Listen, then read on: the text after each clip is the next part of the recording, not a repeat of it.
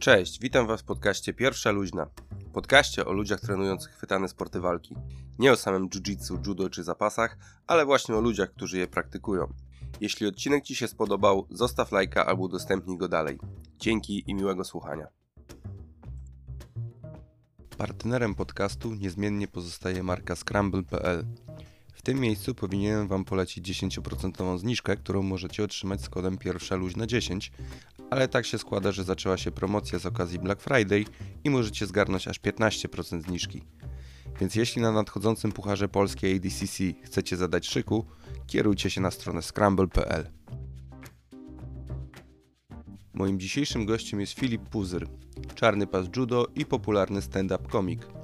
Rozmawialiśmy o kształtowaniu poczucia humoru przez treningową szatnię, czy judo dalej jest cool, o prowadzeniu zajęć sportowych z dziećmi i który fighter poza Pudzianem nadawałby się na bohatera kolejnego roastu. Jeśli odcinek Ci się spodobał, poleć proszę go w dowolnym serwisie social mediowym. Będę Ci bardzo wdzięczny. Tymczasem miłego słuchania. Cześć Filip. Siema Mateusz. Czy komik powinien umieć się napierdalać? Myślę, że nie ma takiej konieczności ogólnie. Ogólnie wydaje mi się, że ta umiejętność e, tak e, jest troszeczkę, nie wiem, zbyt wysoko wyceniana społecznie, nie? Że e, tak naprawdę bardzo dużo ludzi mówi o tym, że to chciałbym, to, wiesz, chciałbym umieć zadbać u siebie na ulicy, nie? Wiesz, zareagować w sytuacji kryzysowej. No spierdalać najlepiej w sytuacjach kryzysowych. Jak ktoś chce zadbać o swoje bezpieczeństwo, to nie ma sensu trenować 20 lat po to, żeby raz tam kiedyś komuś pokazać, że jesteś gościem. Pytam e, z punktu widzenia, mm, że komicy są osobami, które e, mogą się czasem e, narazić innym ludziom. Jak masz jakiegoś takiego heklera na, pu na publice, tak? To się hekler mówi, jak ktoś próbuje ci przeszkadzać mm -hmm. w występie i być śmieszniejszy od ciebie. No i no często jakby niektórzy ich ignorują, niektórzy ich jakoś ułagadzają, no ale niektórzy idą z nimi na konfrontację. Powiedzmy, wyśmiejesz takiego typa, wszyscy się z niego pośmieją, jemu zrobi się niefajnie. Czy zdarzyło ci się, albo tobie, przepraszam, albo słyszałeś o takiej sytuacji, że ktoś chciał się potem z takim komikiem policzyć? Tak, słyszałem o takich sytuacjach. Y, wiem, że kiedyś y, y, na, na Michała Kutka kiedyś czekali pod klubem i ochroniarz go chyba odwoził z klubu do domu. Tak mi się wydaje, że Czyli tam był on jakiś nie umiał się napierdalać.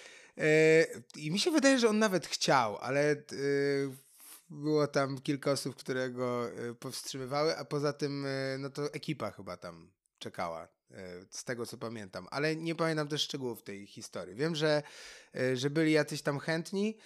Kurczę, czy ktoś dost... By, była jakaś chyba akcja, że e, Jurkiewicz tam się z kimś Kurde, ja nie, bo ja coś tak piąte przez dziesiąte pamiętam. Nie chcę, bo możliwe, że ja mylę ludzi, nie? Po prostu w tej sytuacji. Ale mało, mało, Jak rzadko. ktoś chciał bić Jurkiewicza, no to, to już musiał być chory psychol, no bić dziecko. No, to prawda. Chociaż, przepraszam, pan Jurkiewicz y, chodzi, sparuje, kopie, e, muay thai, trochę boksu. Naprawdę? Tak, tak, tak. I wydaje mi się, że na jiu-jitsu też przez jakiś czas chodził.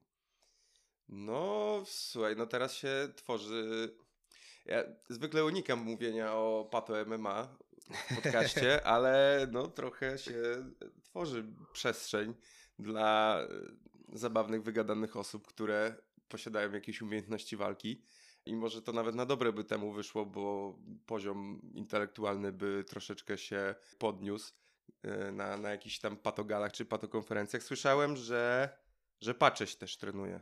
Pacześ trenuje też, tak. Trenuje y, nie wiem, czy tak już przekrojowo trenuję. Wiem, że głównie e, kickboxing chyba jakoś to bazowo zaczynał.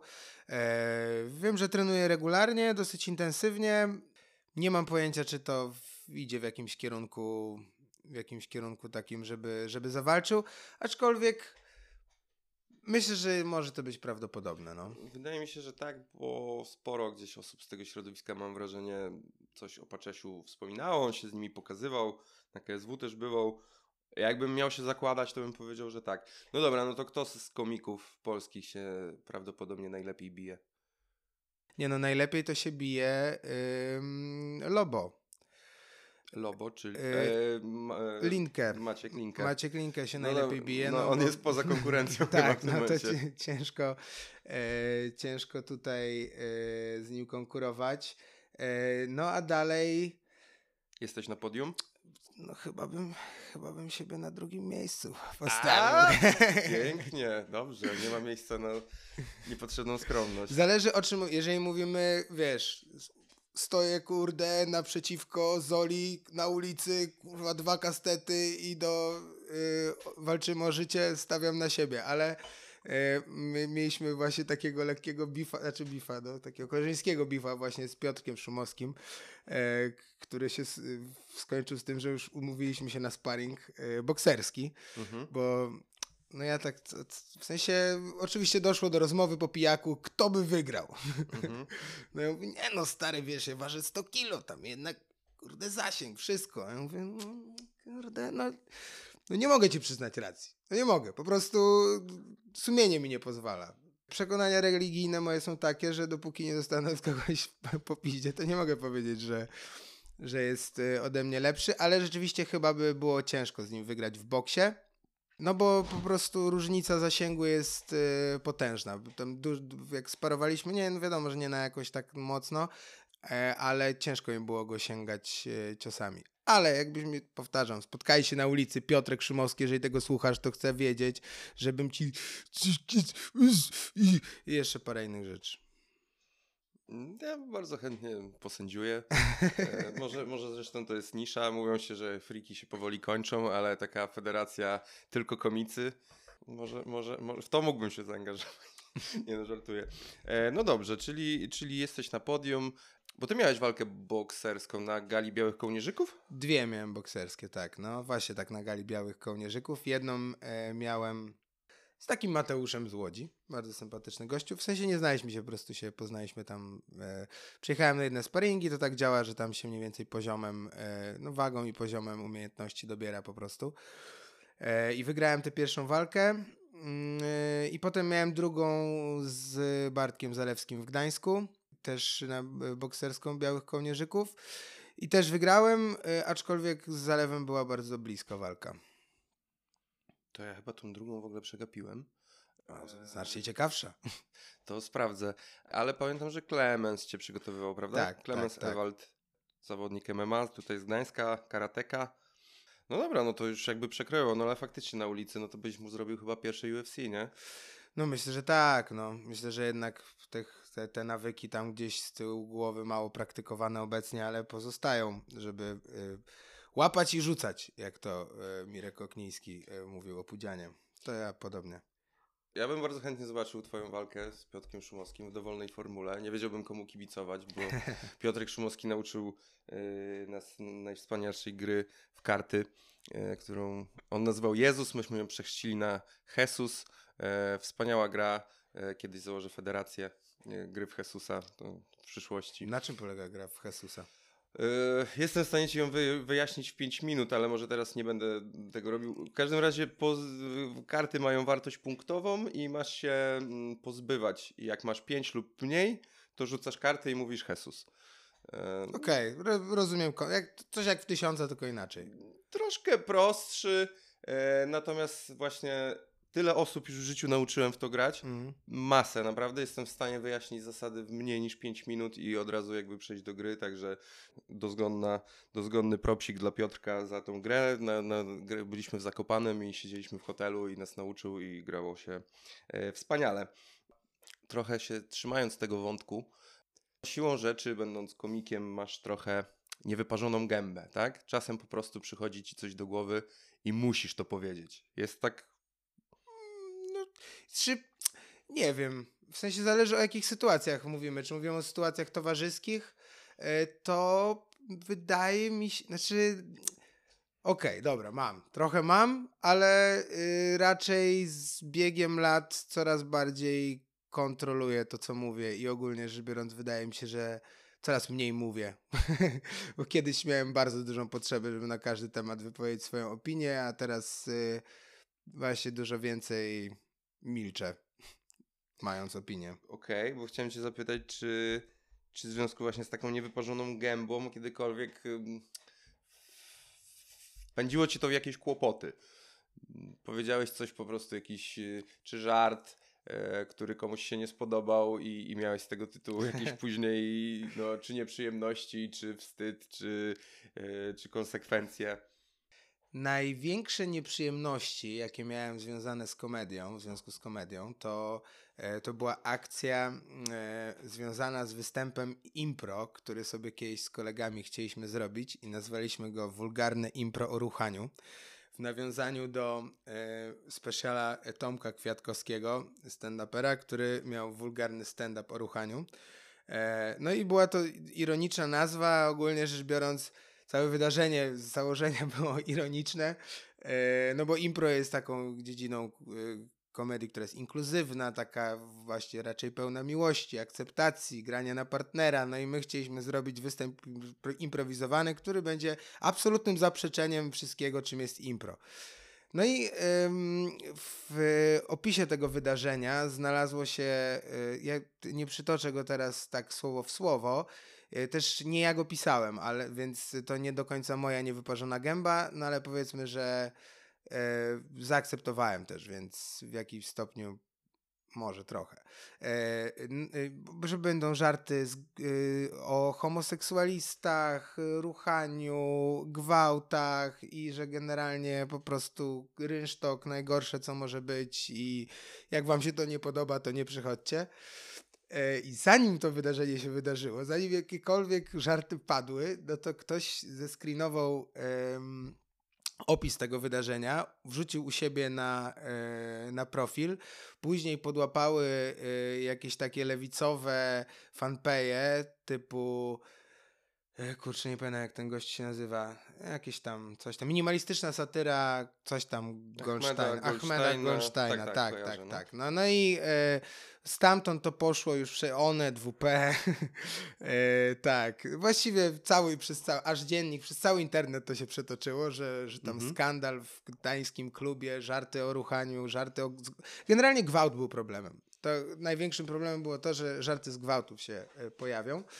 E, no i, no i generalnie ludzie jakby trochę nie zatrybili um, tego, co nam się wydawało oczywiste, że no jednak jest to ironia, a po prostu jeszcze mieliśmy takie, wiesz, zdjęcie po prostu sześciu typa stojących tak e, e, e, wykrzywione mordy, jakbyśmy właśnie mieli się z kimś napierdalać. No i z tego się zrobiła afera dosyć, e, dosyć duża, bo też przyjechały jakieś dziewczyny, e, roz, roz, rozkleiły taki e, plakat na 107 na klubie, w którym to się miało odbywać, że żarty z, z przemocy seksualnej są, wspierają kulturę gwałtu. Mhm. I no ale w sumie kulturalnie, bo jakimś takim klejem do tapet, że to się dało łatwo zdjąć, że tam nie zniszczyły elewacji i zrobiły zdjęcie, wrzuciły Wtedy jeszcze to nie było modne. Tak, Wtedy jeszcze nie. Ale to było w sumie niedawno całkiem. Nie wiem, w zeszłym roku jakoś. E... Odbył się ten występ? Tak, odbył się występ. Występ był taki też fajny, fajna była energia. E... Całkiem zwyczajny. Nie było tam za bardzo jakiegoś hardkoru. Też my też tak nie do końca naszą intencją było w ogóle granie tych hardkorów. Bardziej w sensie, no, no, nie chcieliśmy, żeby każdy żart taki był, nie? Tylko dać sobie, powiedzmy, tę możliwość. Więc pewnie trochę też spuściliśmy stonu przez tą aferę, bo przyszli tam jacyś dziennikarze z Trójmiasta z nogą na nogą założoną, patrzeć nam na usta. E, ale fajny był występ, trochę o ruchaniu było, jakieś tam dildosy się pojawiły. W przerwie kilka osób wyszło zdegustowanych tym, e, jak mało wulgarnych żartów jest i potem napisali komentarze, że to było jakieś tam kółko teatralne dla dzieci, a nie poważne żarty o ruchaniu. Y, I, I nic. I nic się jakby nie wydarzyło, tylko wydarzenie się wyprzedało dzięki temu. Czyli na plus. No, stresujące dosyć. Y, jak tak właśnie piszą ci tam wszędzie komentarze, że jesteś, kurde. Generalnie bardzo dużo było porównań nas do Putina, do Hitlera, do tego, że że ta, a po występie pewnie idą gwałcić, że właśnie takie typy, to, to takich się boję na ulicy. Yy, więc yy, to pewnie to nie było najmilsze, ale tak po pierwszym dniu czy dwóch, gdzie to było takie szokujące, też później w sumie. A powstrzymywałeś się w czasie tego występu? chyba trochę tak. Chociaż, no nie wiem, grałem tak normalnie. W sensie, wydaje mi się, że gdyby ta akcja się nie wydarzyła, to bym raczej po prostu wyszedł z założeniem, że y, będę może grał mocniejsze rzeczy niż zwykle. Że po prostu, dobra, to dzisiaj trzeba coś dopierdolić tak mocniej.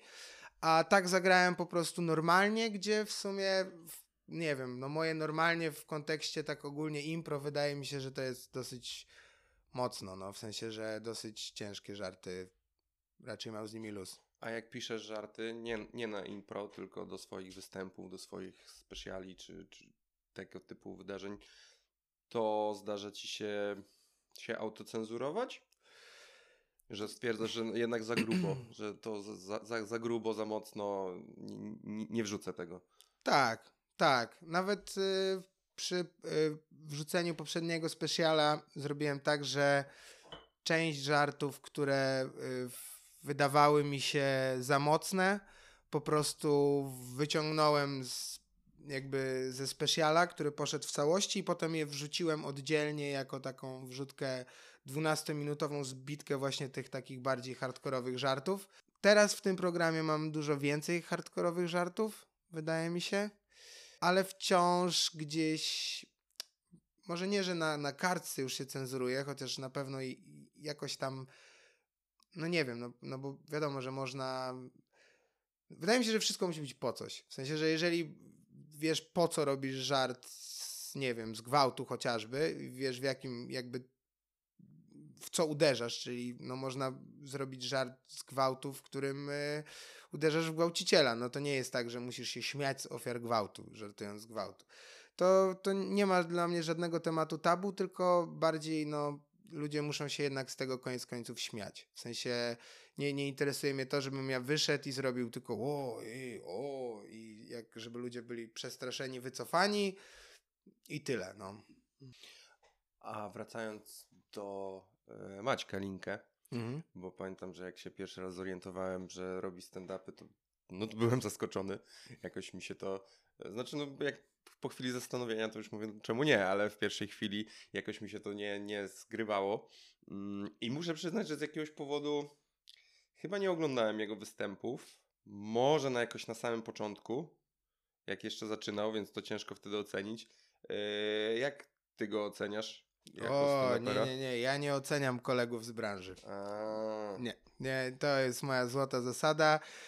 Humor jest y, mega subiektywną rzeczą i ja mam trochę taką zasadę, że albo to robisz, albo jesteś dziennikarzem, nie? W sensie, że jeżeli y, wiadomo, że każdy ma opinię na temat y, innych komików, ale no, jeżeli jesteś komikiem, no to skup się na swojej komedii, bo to bardzo dużo tego jest ogólnie, takiego patrzenia, porównywania się. Uważam, że to jest niezdrowe i staram się też od tego uciekać, więc generalnie mam taką zasadę, że no, staram się nie oceniać po prostu komedii innych. Okej, uczciwie, uczciwie trochę jak zasada, że co na macie, to, to na macie, co na treningu. Tak, ale jest treningu. super gościem. Ja bardzo, bardzo Maćka lubię. Polecasz. Polecam, tak, polecam jak Dobra, najbardziej. sprawdzę, sprawdzę koniecznie jakiś występ, może gdzieś tu będzie na Pomorzu, to, to może bym się wybrał.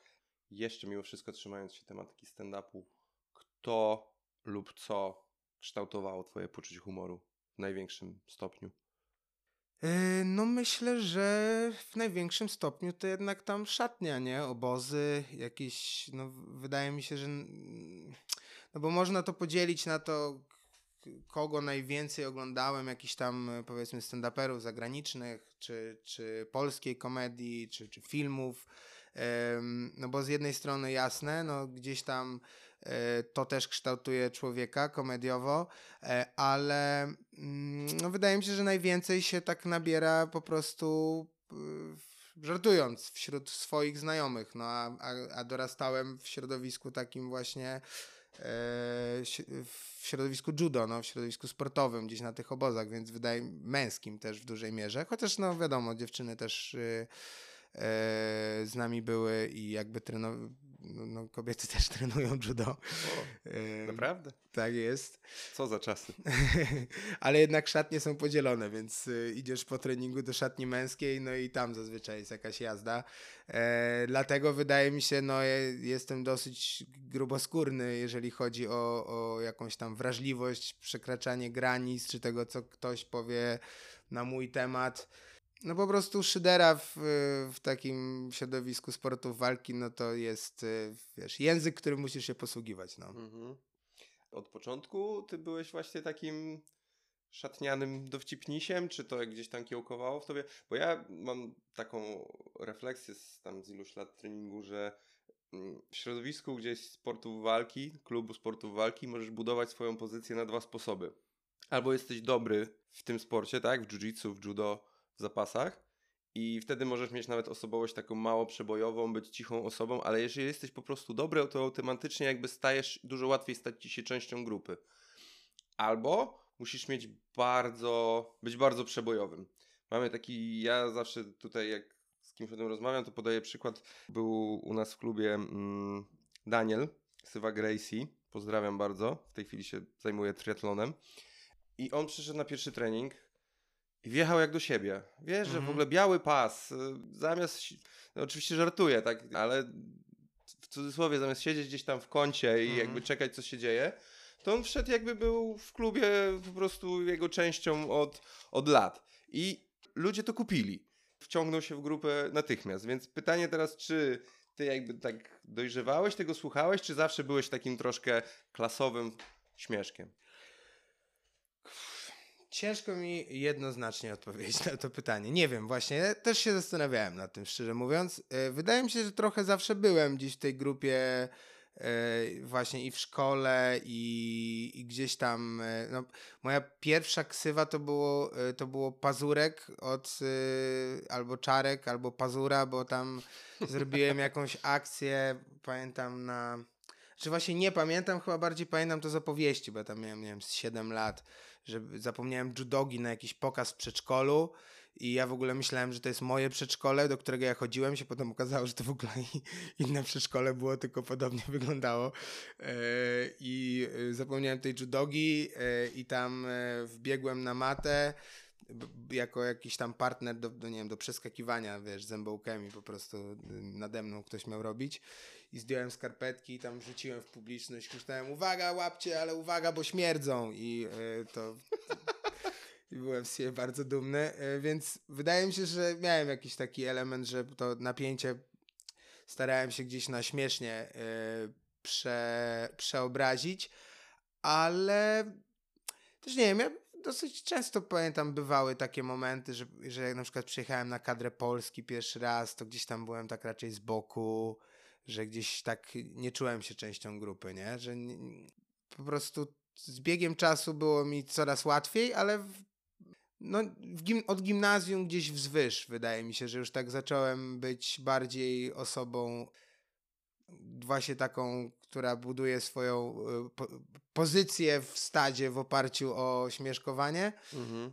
A wcześniej tego tak nie pamiętam, no ale to jest dzieciństwo, nie? No to też kurczę, trzeba by spytać ludzi bardziej chyba wokół mnie, a nie mnie samego. To kiedy zacząłeś judo? 7 lat, wydaje mi się, pierwsza klasa szkoły podstawowej. Co jest twoim największym judo sukcesem? Yy, wydaje mi się, że moim największym sukcesem są przyjaźnie, które zawarłem na macie. Nie, największym sukcesem jest to, że po że już nie muszę nic robić i dalej mam taki krzywy, bo krzywy, ale jeszcze resztki sześciopaku. To jest największy sukces kariery sportowej, że pe pewne rzeczy zostały wyrobione za dzieciaka i teraz już jako tako się trzymam w kupie. E, ale sportowo chyba brązowy medal Mistrzostw Polski seniorów. E, to jest największy mój sukces. Miałem też piąte miejsce na Pucharze Europy w seniorach. No gdzieś tam tych pucharów Polski parę wygrałem, we wszystkich od juniora młodszego, tam w juniorach parę wygrałem, w seniorach też wygrałem Puchar Polski. Byłem w kadrze narodowej przez właściwie większość czasu, jak trenowałem, no to, to byłem w tej kadrze takiej powiedzmy tam tych pięciu, sześciu osób, które jeździły na obozy.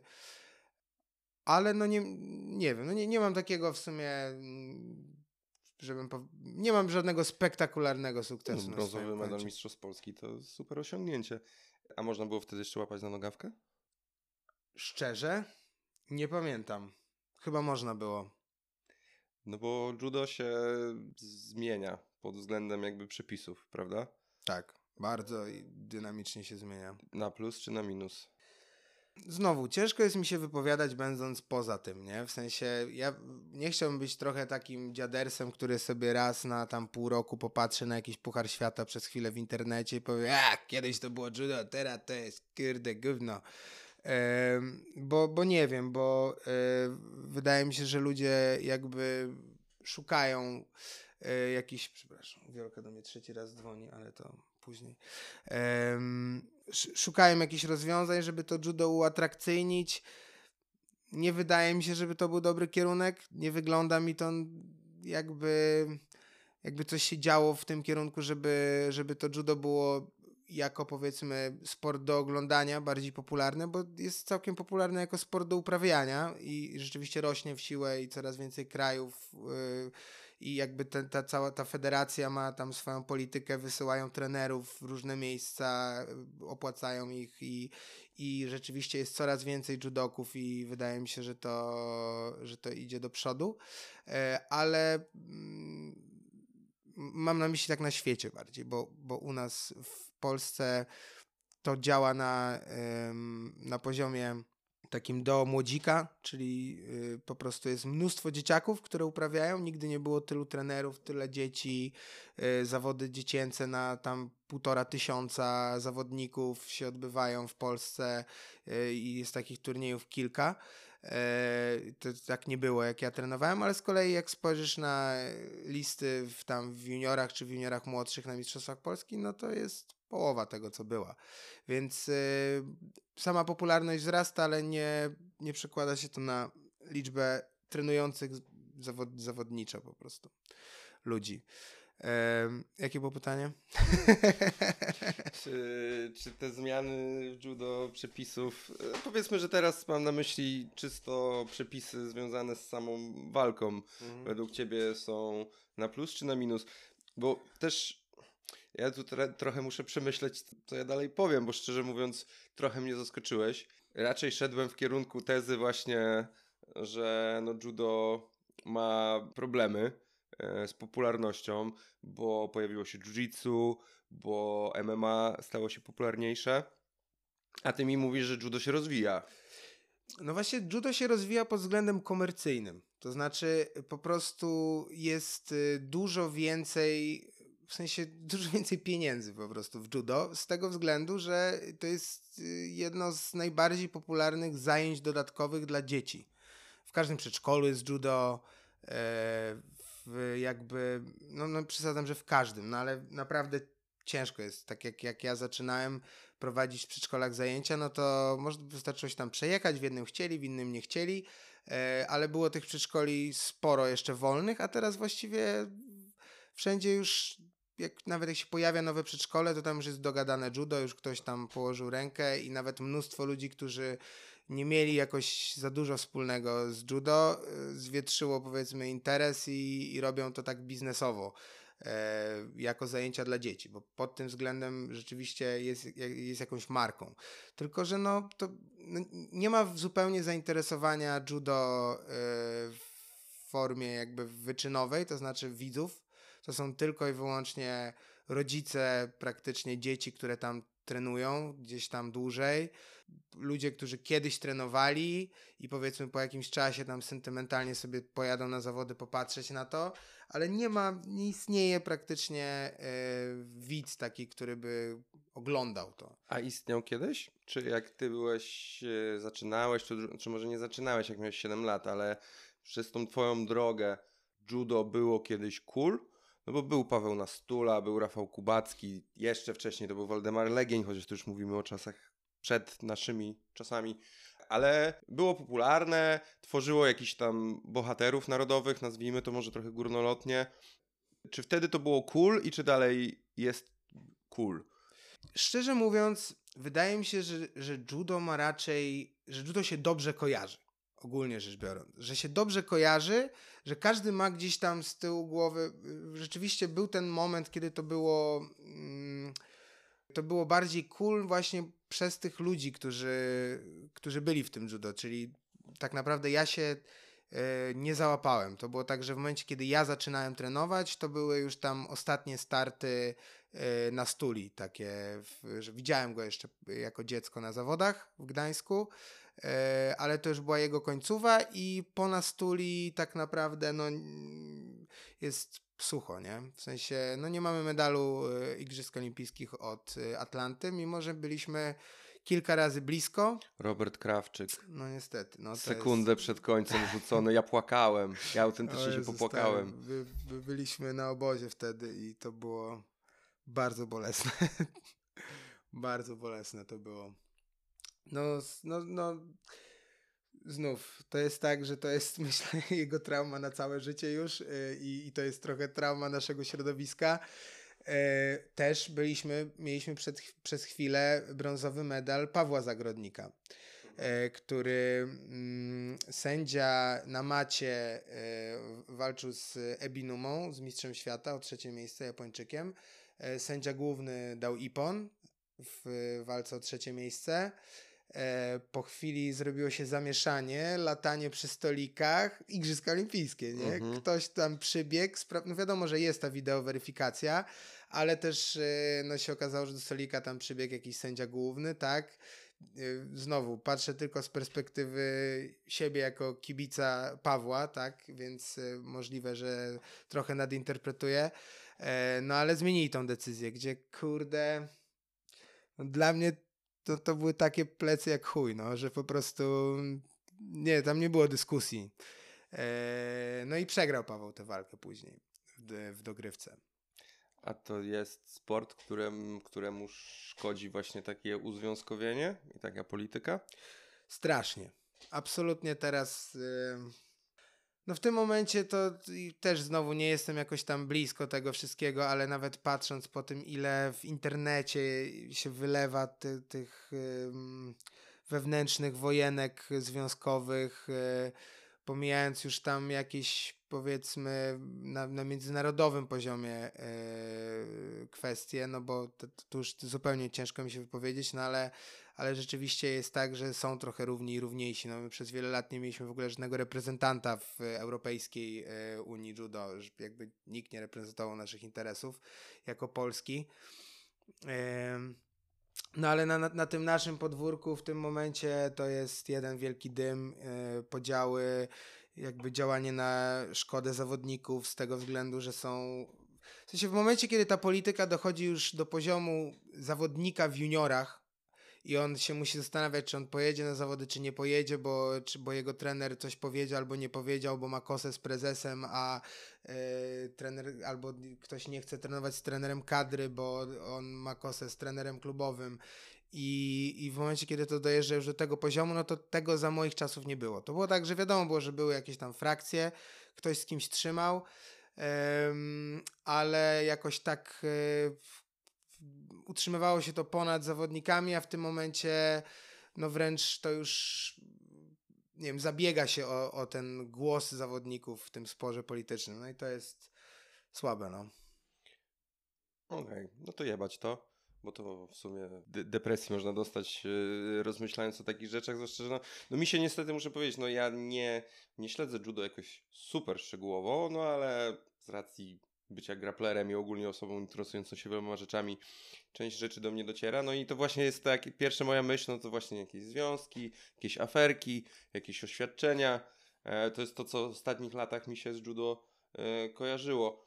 A słuchaj, a jest jakaś osoba, zawodnik albo zawodniczka, która ma taką osobowość, że przy dobrych jakichś wiatrach, gdyby się złożyło parę rzeczy, mogłaby się stać taką, taką gwiazdą, bo jest wygadana, inteligentna. Słuchaj, problemem są wyniki w tym momencie, nie? że gwiazdą można zostać w momencie, kiedy masz jakiś spektakularny wynik, a w tym momencie nasze seniorskie judo, kobiety jeszcze dają radę, e, gdzieś tam mają powiedzmy ten kontakt z czołówką co jakiś czas jakąś, jakiś medal zrobią.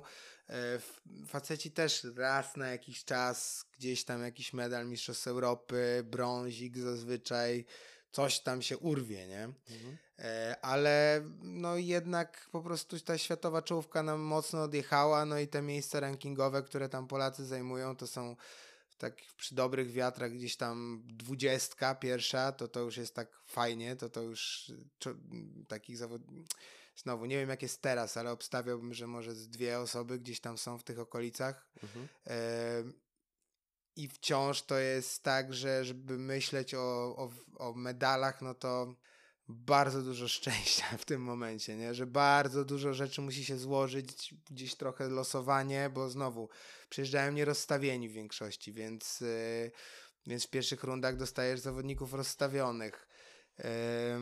No i ciężko jest, po prostu ciężko jest przy tym poziomie, jaki mamy w tym momencie, jaką, jaki ma nasza kadra narodowa, o taki wynik na poziomie Igrzysk Olimpijskich. No.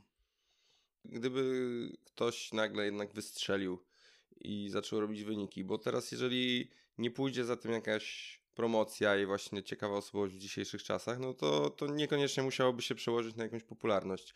No, nawet jeżeli nie masz kogoś takiego na myśli, no, no można rzucić właśnie parę nazwisk tych osób, które się gdzieś próbują dobić do tej czołówki, bo też nie ukrywam, że tutaj większość na chwilę obecną moich słuchaczy to jednak są zawodnicy pewnie jiu-jitsu, osoby interesujące się jiu-jitsu i gdyby chciały może troszeczkę bardziej wgłębić się w judo, to co wpisać w Google? E, no Piotrek Kuczera z Rybnika ostatnio e, ma e, chyba no, największe wyniki, jeżeli chodzi o mężczyzn w Polsce i on jest medalistą Mistrzostw Europy. Kurczę, też ja nie mam dobre, dobrej pamięci do wyników, nie wiem, czy ze świata coś miał. E, nie jestem przekonany, ale na pewno miał... Wiesz, nawet nie chodzi mi może o wyniki, tylko o, nie wiem, potencjał. Jakby ktoś miał wystrzelić, to kto? Jakby ktoś miał wystrzelić, to kto? No to pewnie ktoś z tych młodszych jednak. No mamy kurde Michcia naszego tutaj yy, w tym momencie brązowego medalistę Mistrzostw Świata Juniorów yy, w kategorii do 100 kg. Yy, Michał Jędrzejewski z GKS-u. to pozdrawiam śledzić tego chłopaka. Bardzo sympatyczny gościu. Wydaje mi się, że w ogóle widzę po tych młodych teraz, bo ja też no nie jestem w judo już od dłuższego czasu, więc ja nie, nie jestem tak na bieżąco, nie? Więc mhm. jeżeli pytasz, kto mógłby wystrzelić, to ktoś z dzisiejszych juniorów praktycznie, prawdopodobnie. E, a ja nie wiem, kto tam w juniorach w tym momencie e, jest najbardziej e, obiecujący, ale widzę, że wszyscy mają TikToki, prowadzą, wrzucają, prowadzą Instagramy, wrzucają relacje, że no na pewno już jest ta świadomość tych social mediów, no i że ludzie o to dbają, nie? Tylko, że znowu to, to, się, to się musi nałożyć na wynik. No bez wyniku, no chyba, że, że w ogóle jesteś osobowością taką na zasadzie w siatkówce jest taki gość, on się nazywa Matlenione włosy. Nie pamiętam. Matlenione włosy. Matlenione włosy, jest taki blond. Fani siatkówki będą wiedzieli. Na pewno będą wiedzieli, który. I on tam właśnie mocno tiktokuje, więc yy, myślę, że można nawet yy, z takiego poziomu, że ok, jestem profesjonalnym sportowcem, który tam jeździ na zawody, ale nie, niekoniecznie y, mam właśnie jakiś wynik, który tutaj mógłby mnie pchnąć dalej, w, tak medialnie, ale jeżeli rzeczywiście ktoś ma pomysł na te social media, jeżeli rzeczywiście tego, tego TikToka, Instagrama, Facebooka będzie prowadził, YouTube'a nawet w jakiś sposób, wiesz, konsekwentny i regularny, no to, to wydaje mi się, że można, można to zrobić, no. Ale nie widziałem do tej pory, żeby ktoś tak robił. Rozumiem. No ja się, ja się nie mógłbym bardziej zgadzać, bo tutaj wielokrotnie powtarzam swoim znajomym zawodnikom, którzy osiągają fajne, fajne wyniki w jiu-jitsu, e, żeby po prostu też zmienili podejście do social mediów i troszkę gdzieś o nie zadbali. Staram się im podpowiadać. Mm, no, czasami ciężko to idzie, a to naprawdę czasem niewiele trzeba. No, patrząc po tym, co robią ludzie, którzy zdobywają dużą popularność obecnie, i to często nie jest nic specjalnie. Hmm, nie chcę powiedzieć trudnego, żeby tego nie deprecjonować, ale ambitnego. I, I to nie jest tak, że potrzebujesz 10 lat treningu, żeby, żeby streamować gry. Znowu, ja tu nie chcę atakować y, grania w gry czy, czy coś w tym rodzaju, natomiast no, streaming to nie musisz być najdobry w tych grach. Musisz śmieszne rzeczy opowiadać Mhm. albo głupie rzeczy opowiadać w trakcie. Więc wydaje mi się, że właśnie gdyby ktoś potrafił tą swoją osobowo- osobowość dużą przekazać przez social media, e, czy w jiu-jitsu, czy, czy w, w judo, no to na pewno mógłby się wybić. W ogóle wydaje mi się, że było przynajmniej w tym czasie, kiedy ja trenowałem, było mnóstwo takich osobowości y, medialnych, że tak powiem. No, bo był Tomek Adamiec, który y, zawsze bardzo lubił być no, taki właśnie śmieszek klasowy, typowy. Tylko y, tak samo Tomek Kowalski, gdzieś tam Maciek Sarnacki, czyli już wszystko zawodnicy po karierze, ale powiedzmy tacy gdzieś tam, z którymi ja się przecinałem na obozach. Tylko, że trochę gdzieś tam jest y, ten może archetyp judoki takiego, wiesz, samuraja, który tam po prostu, że jak już, jak już przed kamerą stajesz, to nagle zaczynasz po prostu hej! Zamieniasz się w Japończyka i, e, i zaczynasz e, skromnie, głowa w dół i opowiadać o tym, że najważniejsza jest ciężka praca i, e, i szacunek dla przeciwnika, co jest super pod wieloma względami, ale myślę, że nie trzeba jakby z tego rezygnować, żeby gdzieś tam może też do, dorzucić coś więcej do tego, nie? Do tej swojej prezencji medialnej. Mhm. Że to zawsze była taka beka na potrzeby gdzieś tam środowiska małego, no, że, że nikt z tym nie wychodził nigdy yy, gdzieś dalej. Tak jak mówisz, nie trzeba być y, w tym wszystkim wulgarnym wcale. E, Jest paru takich, na przykład w MMA zawodników, którzy potrafią naprawdę wykorzystać swoje 5 minut w fajny, śmieszny i zabawny sposób. Rafał Fiza- Fizajew, e, taki zawodnik e, wagi lekkiej, do, dobijający jakby do czołówki w tej chwili. Świetne Muay Thai, niesamowite. I on po każdej wygranej walce, jak ma wywiad, to wyzywa jakiegoś celebrytę do walki, nie? Mhm. I jakby to jest śmieszne, zabawne, zwraca na siebie uwagę, mm, nie musi być napinki. Jest taki zawodnik Juan, e, Juan? Nie, Julian, Julian Marquez, który po wygranej walce powie- zaprosił Britney Spears, e, nie Britney Spears, tylko Miley Cyrus na randkę. Najlepsze jest to, że ona mu odpowiedziała, że pójdzie e, gdzieś tam na Twitterze, że pójdzie z nim na randkę, jeżeli on ma taką owłosioną klatę bardzo, jeżeli Mhm. sobie wygoli serce tam na ten. I ten debil zamiast to zrobić, to próbował, to jej postawił jeszcze je, jakiś warunek, że on sobie to wygoli serce, jeżeli ona coś tam. No i ona mu powiedziała, żeby się pierdolił. A mógł iść na randkę z Miley Cyrus. Nie, no to totalnie, no. Ale jakby 90% zawodników wyjdzie i powie, że e, ktokolwiek, gdzie, kiedykolwiek, e, kogo UFC mi wybierze, to ja zawalczę i no fajnie, ale nic ci to nie da. E, Wydaje mi się, że też no, pora zatrudniać ghostwriterów. To jest mój apel do zawodników MMA. Jakby ktoś chciał, proszę się do mnie zgłosić. Ja chętnie napiszę żarty na konferencję. Że po prostu współpraca z ludźmi, którzy się za, zawodowo zajmują jakby pisaniem jakichś śmiesznych rzeczy. Wiadomo, że może nie jest naj, yy, najłatwiej to yy, podać, zwłaszcza jeżeli po angielsku musisz to zrobić, czyli yy, jeżeli powalczysz w UFC, ale wydaje mi się, że niewiele trzeba, bo jakby wybicie się ponad powiedzmy właśnie to, o czym powiedziałeś, czyli ten, tą standardową prezencją medialną zawodnika MMA e, nie jest e, takie trudne i też mniej się oczekuje od zawodnika, nie? że gdy, że gdybym powiedzmy ja miał teraz jakieś frikowe walki, no to ja jestem komikiem, no to ja bym musiał, te, te, jakby oczekujesz, że ja powiem śmieszne żarty na konferencji, nie? A jak jesteś e, zawodnikiem, no to nikt od ciebie od tego nie oczekuje, więc jak powiesz coś fajnego, dobrze jakby złożonego, no to od razu to jest jakaś wartość dodana.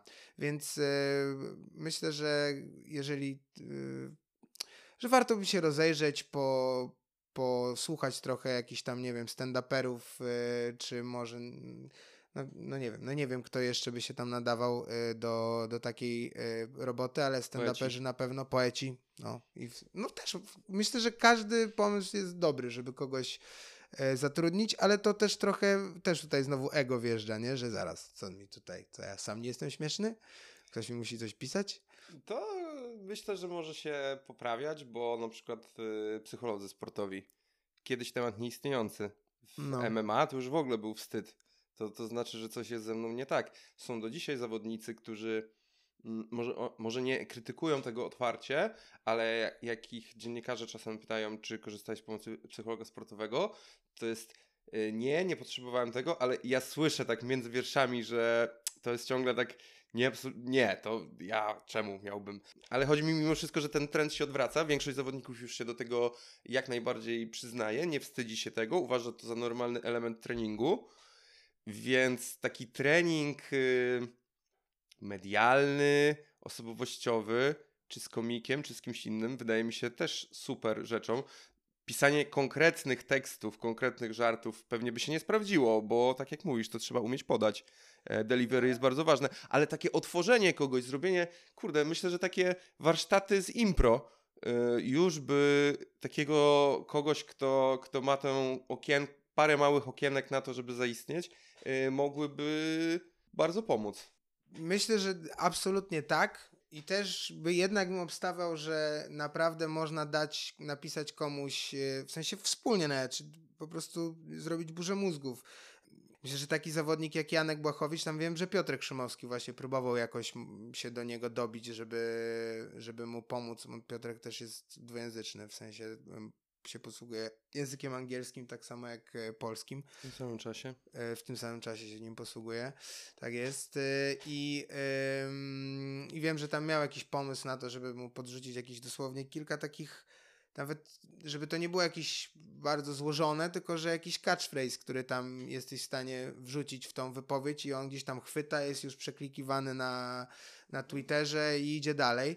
I, I myślę, że to myślę, że dużo komików byłoby na coś takiego otwartych. Jeżeli ktoś na przykład z zawodników lubi jakiegoś komika, ogląda, to myślę, że śmiało można się do niego, do, można się do niego odezwać, pogadać nad, nad taką współpracą i, myślę, że byłoby sporo chętnych. No to jest w ogóle super pomysł. Nigdy, nigdy o tym nie, nie myślałem, ale jak myślę o tym teraz, to naprawdę świetnie, bo bardzo, bardzo tego potrzebują. Niewielu, niewielu jest w stanie.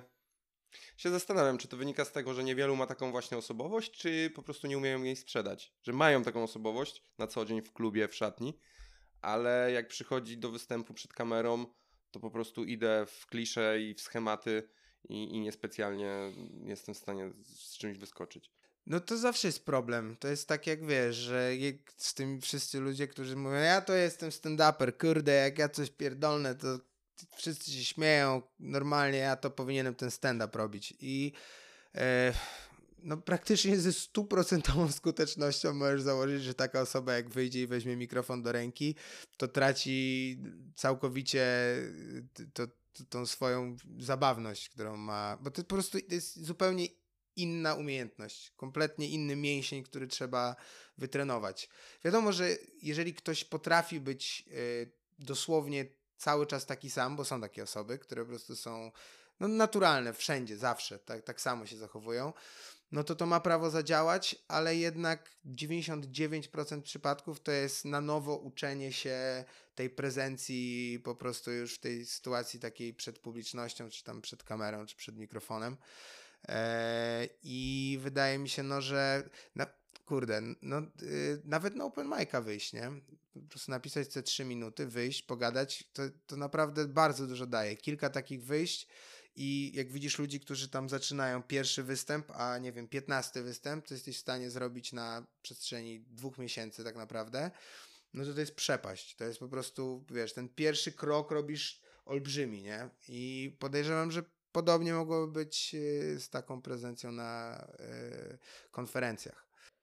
Ja muszę powiedzieć, że gdzieś jak zacząłem podcast, to też sobie taki mały cel postawiłem na przyszły rok, żeby właśnie wziąć udział raz tak w Open Micu. Nie ukrywam też, że za, może nie namową, ale za inspiracją y, twoją, bo kiedyś jak skończyliście u nas na afterze z Piotkiem Splinem i wychodziłeś, to powiedziałeś, a ty mógłbyś pójść na Open Mic'a i mógłbyś. jestem pewien, że byłbyś, byłbyś co najmniej od połowy osób tam lepszy i tak siedzi mi to w głowie, natomiast no nie ukrywam, że od tego czasu czasem na przykład jak na imprezie się zjaram i potem notuję sobie te świetne teksty, które rzucam i czytam je rano, to mówię, hmm, no tak trzy czwarte do wyrzucenia. bo na przykład marihuana sprawia, że bardzo przyjemnie się tworzy komedię. Bo wszystko, co ty stworzysz, też bardziej na ciebie działa, nie? Czyli jesteś w stanie się bardziej wczuć, jakby bardziej tą postać widzisz i to się po prostu wydaje lepsze. W związku z czym łatwiej jest siebie wyrzucać ilo, ilościowo yy, treść, no ale potem musisz to jednak skontrować już na trzeźwo i masz takie no to może nie jest takie zabawne, jak mi się wydawało, ale y, no, wydaje mi się, że generalnie też ciężko jest ocenić samemu, co jest śmieszne na kartce, nie? że to ja już to tam trochę czasu robię i wciąż yy, mam wrażenie, że już mam jakieś pojęcie o tym, że patrzę i jakby z jakimś prawdopodobieństwem widzę, co może być słabsze, co może być mocniejsze ale jednak bardzo często mnie to kompletnie zaskakuje, że w... napisałem sobie jakiś żart, mówię, dobra, to jest straszne gówno, no ale dobra, powiem, co mi szkodzi. I potem się okazuje, że to jest dużo śmieszniejsze dla ludzi niż ten znakomity tekst, który, wiesz, z którego się cieszę od dwóch dni. Trzeba po prostu spróbować. Pierwszy, zawsze tak ludzie mówią też, że nie, ja muszę się przygotować, może tam z miesiąc jest jak pierwszy naleśnik, no. W sensie, no, na pierwszego open mic'a trzeba po prostu wyjść. Nie trzeba być super przygotowanym, nie musi być to 20 minut z callbackami, nie ma żadnego sensu. Po prostu 5 minut, to co mi się wydaje, że jest spoko, wychodzę, gadam i, i tyle. To jak z, z, pierwszym treningiem i ludźmi, którzy mówią, że ja muszę najpierw e, zrobić formę, żeby tak, przyjść tak. na jiu-jitsu czy coś. I jakby wiesz, że już nawet często nie próbujesz mówić, że stary, no formę zrobisz jak przyjdziesz na trening, no i tam, tam zrobisz tą formę. Nie masz się co przygotowywać. No ale patrząc po u nas, jak wygląda grupa intro, to po 40 osób na grupie. Wow. No, a dwa razy w tygodniu regularnie jest już teraz w grafiku, to, to może niektórzy się już e, wyzbyli tej myśli. No, no ciężko ludzi przekonać. E, ja wiem też sam po sobie, że bardzo często sobie tworzę takie, wiesz, e, prokrastynacyjne, kurde, mury do przebycia, nie? Że no, poszedłbym sobie na jiu-jitsu, ale właśnie, kurde, kręgosłup mnie boli, to najpierw ja wiem, że to jest racjonalne, nie? że ja powinienem pochodzić na tą siłkę, powinienem tam sobie trochę martwego porobić, ale z drugiej strony ostatnio po prostu z bomby poszedłem na Randori walczyć, nie? I tam, wiesz, nie luźniutko tam z, z juniorami, z dziewczynami, tak jakoś lekko. Oczywiście mhm. pełna pizda od drugiej walki. No i jakoś poszło, nie? Żyję dalej. e, więc, a jiu-jitsu jest jeszcze, wydaje mi się, dużo bezpieczniejsze dla ciała niż judo. W takim, w sensie, no, w parterze zdecydowaną mniejszość kontuzji zrobiłem sobie w parterze. No, zazwyczaj to jest jakiś dynamiczny wymach, skręt, wiesz, wskok do rzutu w stójce, mhm. bo nie masz takiej kontroli nad tym ciałem. Nie, jaki jest twój ulubiony rzut?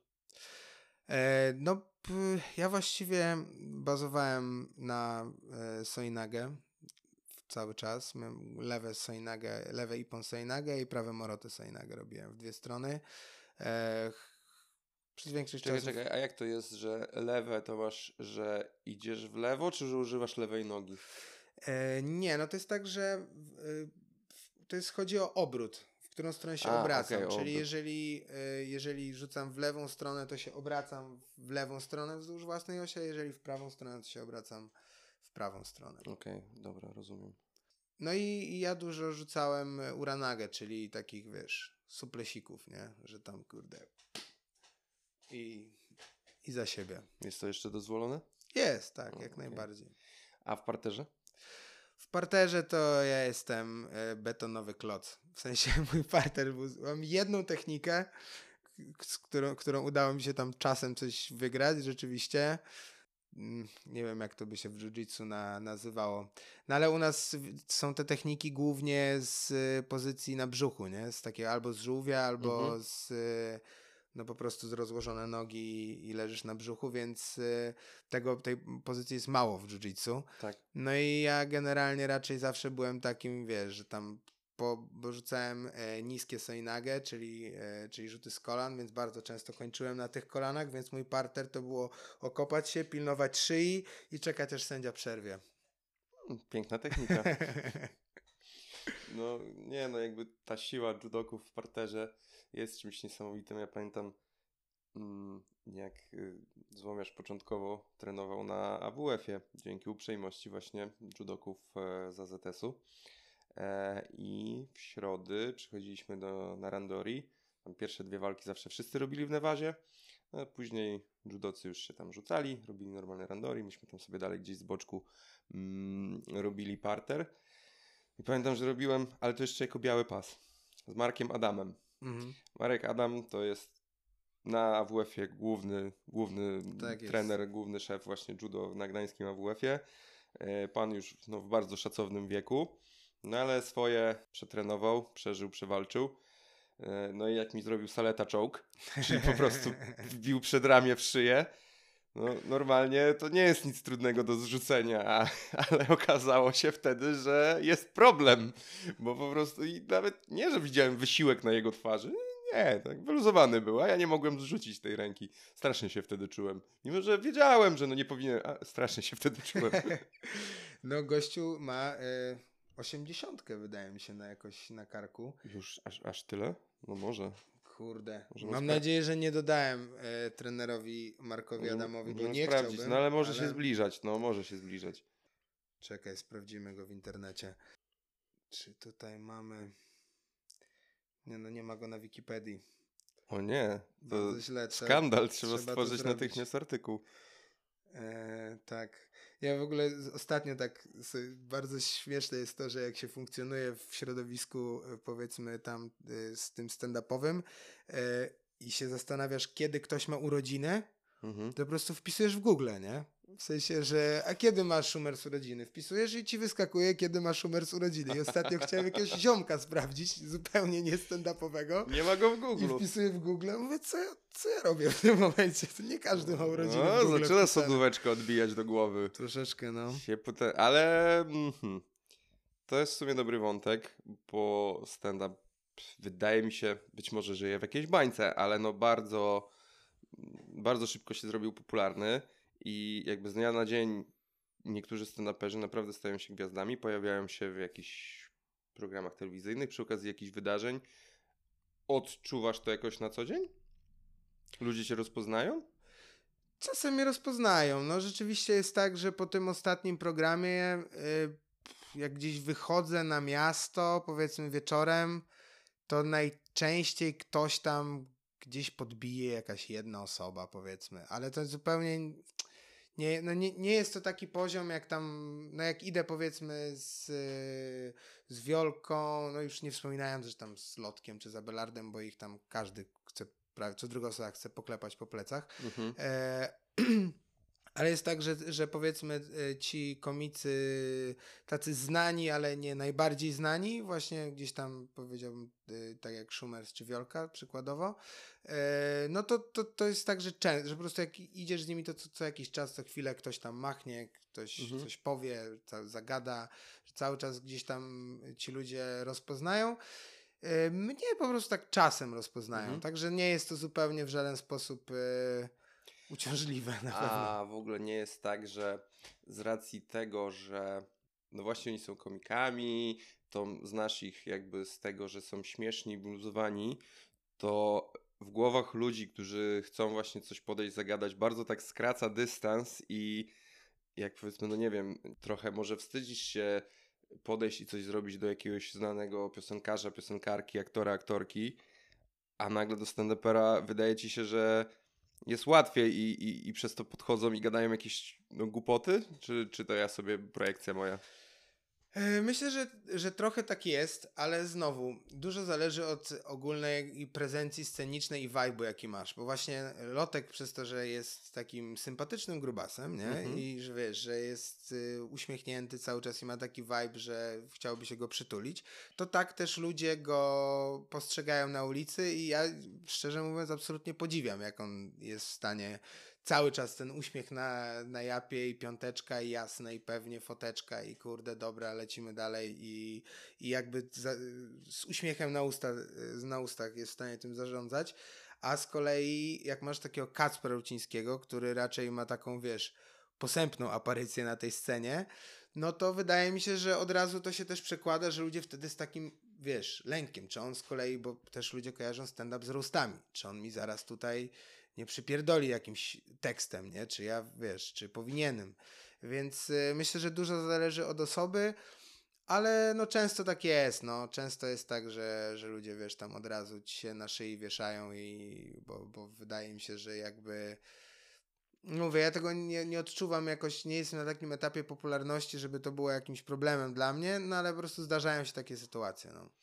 A ludzie oczekują od ciebie, że będziesz śmieszny każdej jakby sytuacji, bo to kiedyś, yy, czy u Wojewódzkiego, czy gdzieś, to bardzo wyryło mi się w pamięć, jak Jerzy Kryszak mówił, że ludzie od niego oczekują w każdej sytuacji, poznaje jakichś tam ludzi, niekoniecznie, że ktoś do niego podchodzi, ale no nie wiem, może jest na jakimś spotkaniu, na jakiejś no, zwykłej okazji i oczekują, o, Kryszak, a będą jaja.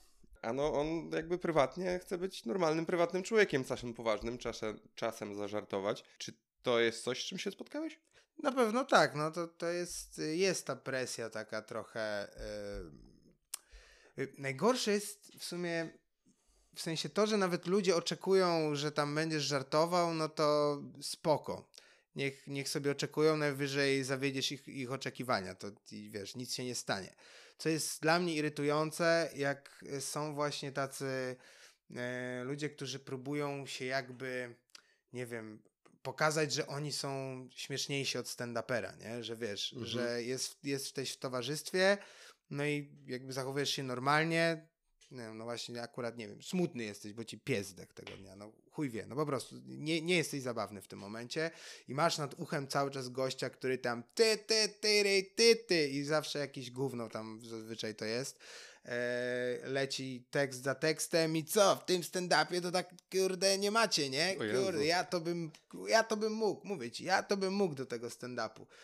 I że próbują tak jakby pokazać, że oni, e, że oni też są śmieszni, no to to, je, to jest irytujące, ale to też na szczęście nie, nie zdarza się jakoś super często.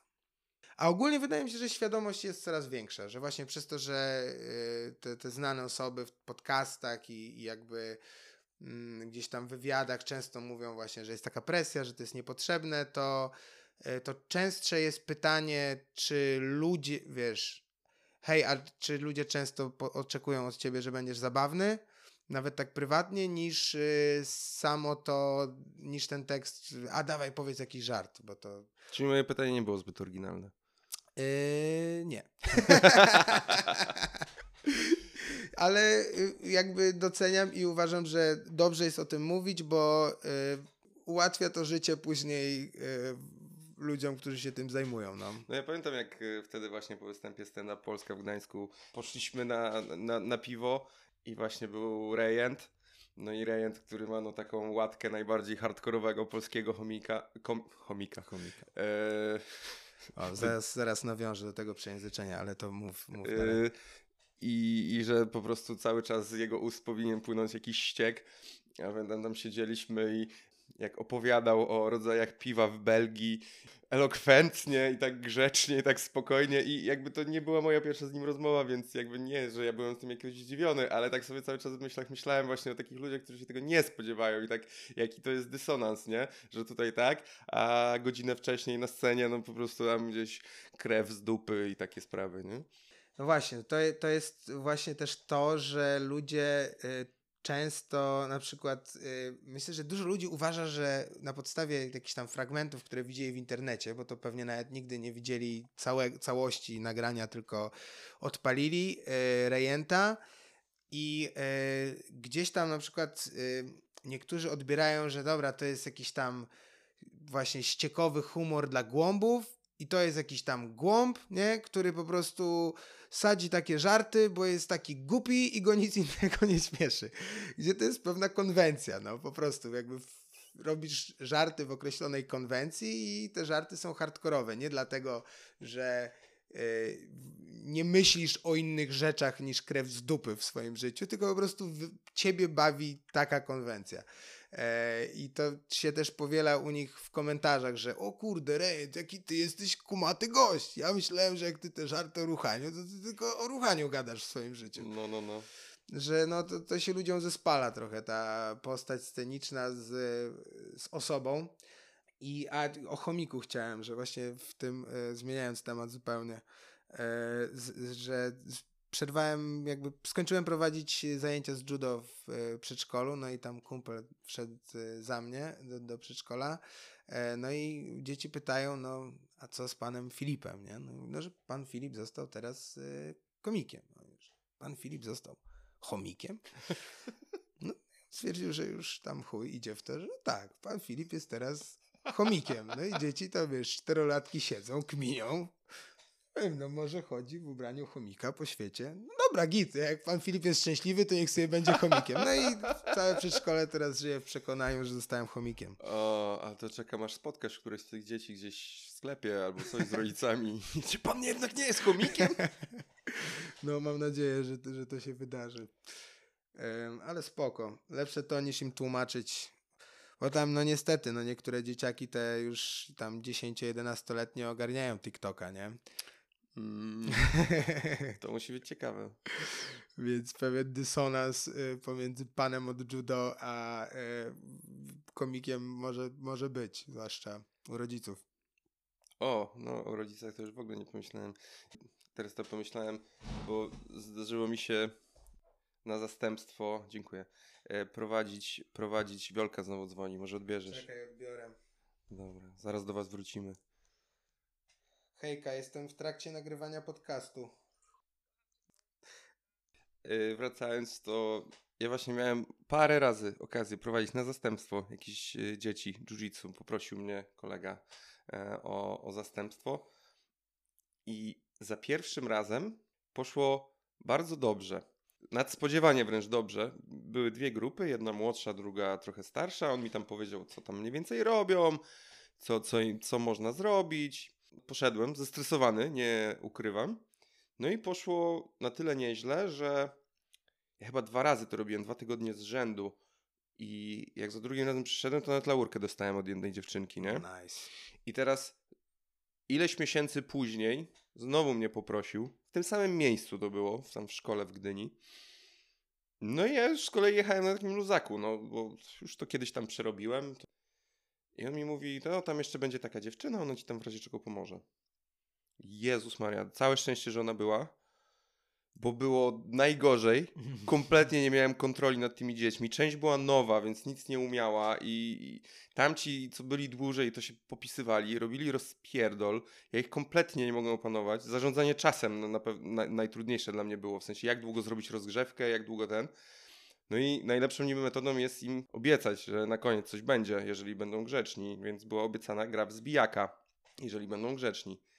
No ni chuja nie byli grzeczni i im powiedziałem na koniec treningu, nie byliście grzeczni, nie będzie tego zbijaka. I oni w szoku. Nie? Ale jak to? Jak? No nie, no byliście niegrzeczni. No jakby ja, ja nie jestem trener Marcin, ja nie ma, nie będzie zbijaka. Może, może przemyślcie to, nie? I taki szok w ogóle na twarzach, ale wróciłem do domu w ogóle wykończony. Ta druga grupa starsza już okej, nie? Bo to, to ogarniali. Ale to się nie spodziewałem po prostu, tak jak z wywiadówkami, nie? Jak y, myślisz, że będzie przejebane, to wracają rodzice i mówią, że spoko, tylko matmę popraw.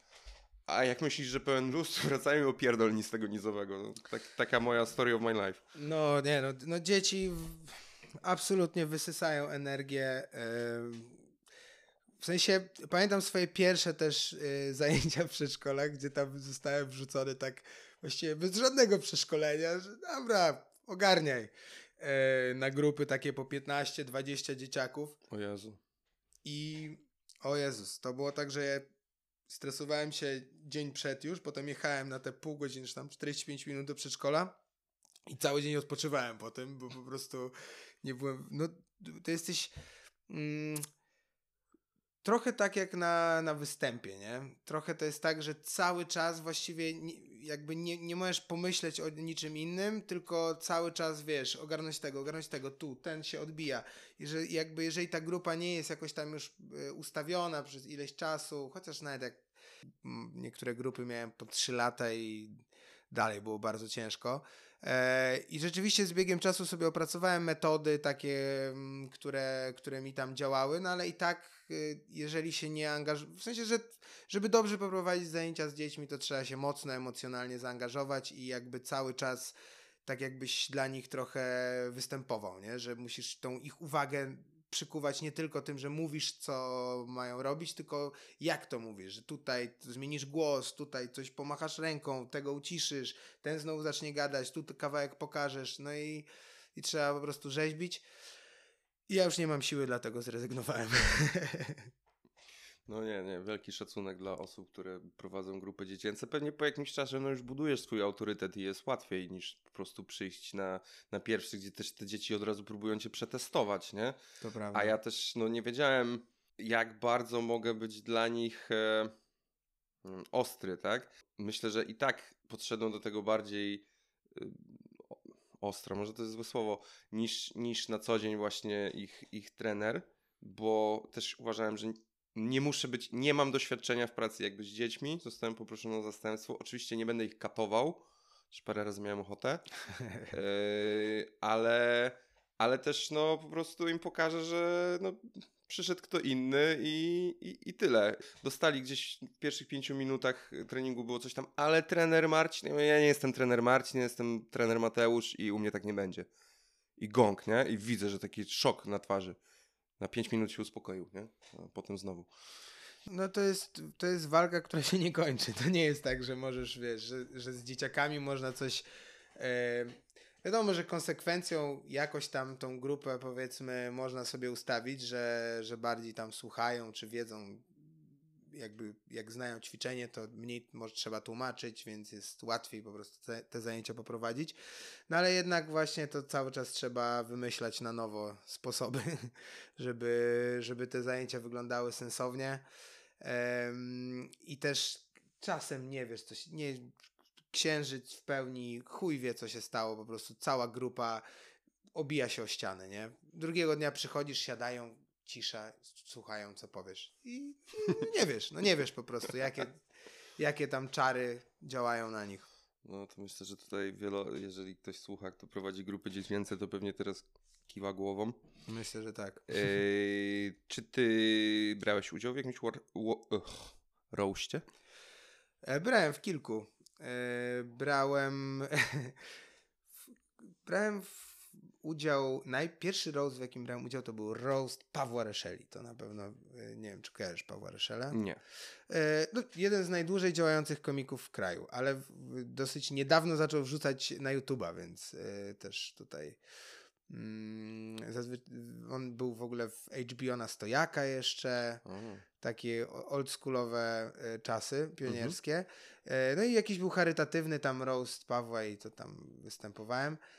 Potem byłem na roastie Wiolki.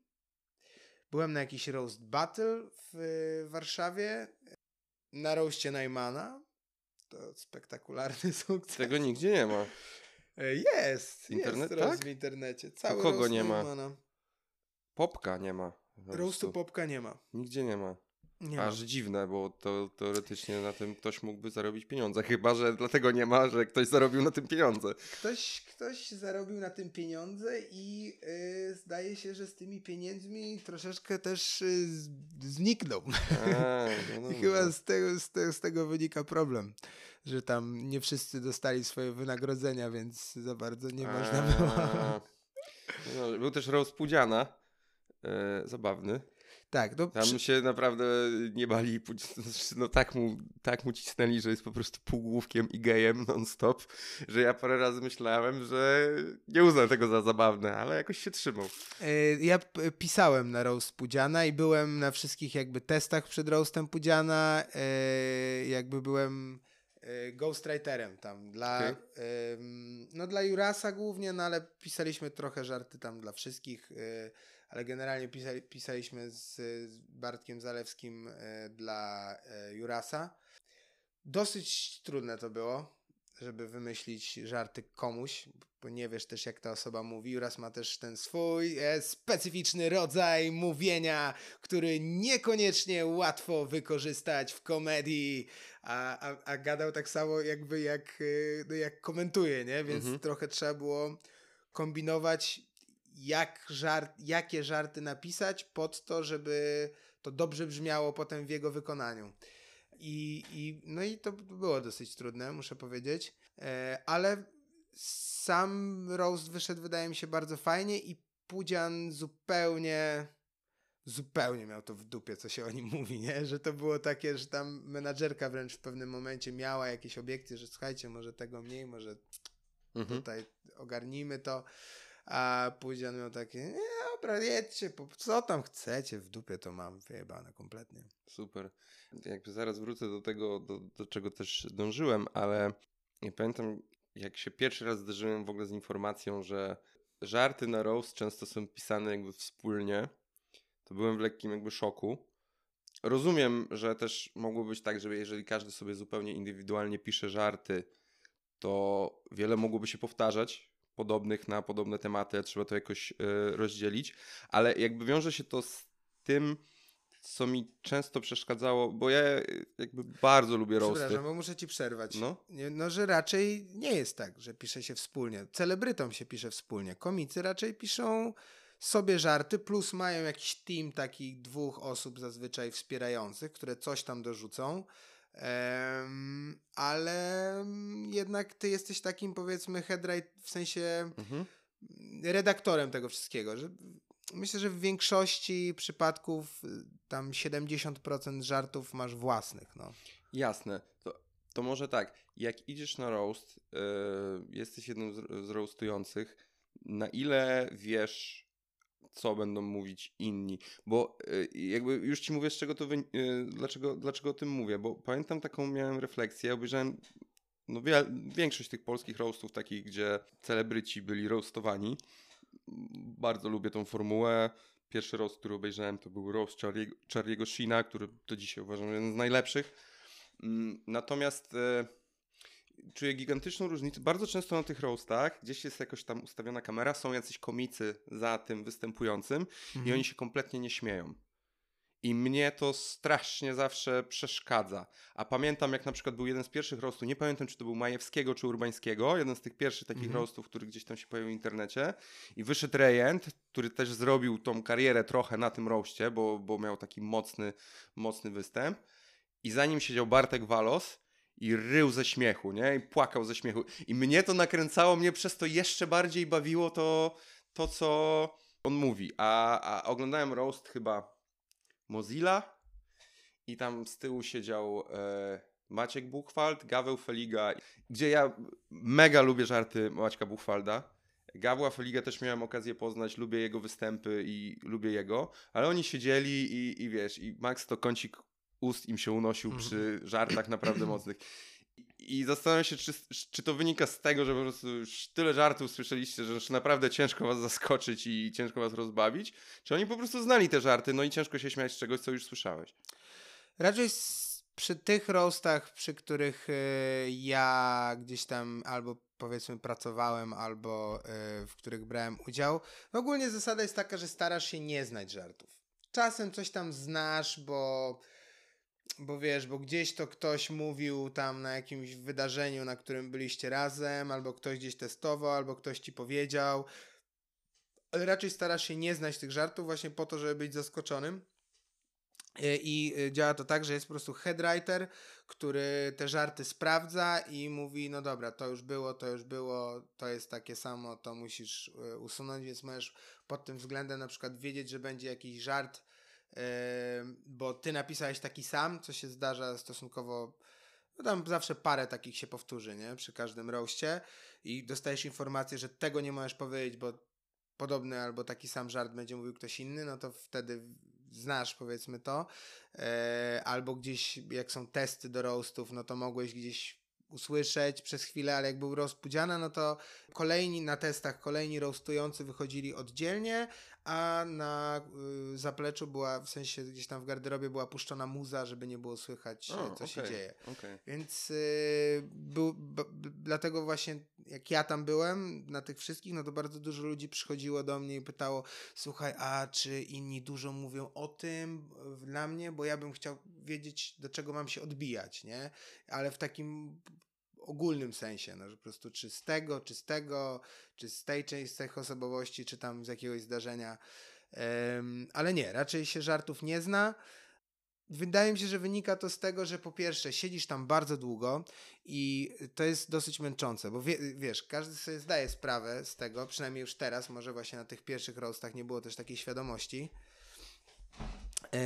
nie było takiej świadomości, ale teraz e, każdy wie, że ta prezencja jest ważna, nie? Czyli, że ty się musisz bawić, musisz się uśmiechać, mhm. musisz być zadowolony, zwłaszcza jak żartują z ciebie, bo wtedy, wiesz, jak ty jesteś obrażony, to od razu przekierowujesz uwagę z tego człowieka, który występuje, na siebie. Czyli, o, zaraz, on jest, a, mu się to nie podoba, dobra, to teraz patrzymy, jak będzie reagował ktoś tam na żarty o nim to jest męczące po prostu, nie? To, to bycie tam w, jakby w, że cały czas ta kamera może nie jest w tym momencie na ciebie, ale nie wiesz kiedy jest na tobie, więc musisz cały czas tam się jakoś uśmiechać i wyglądać dobrze przynajmniej.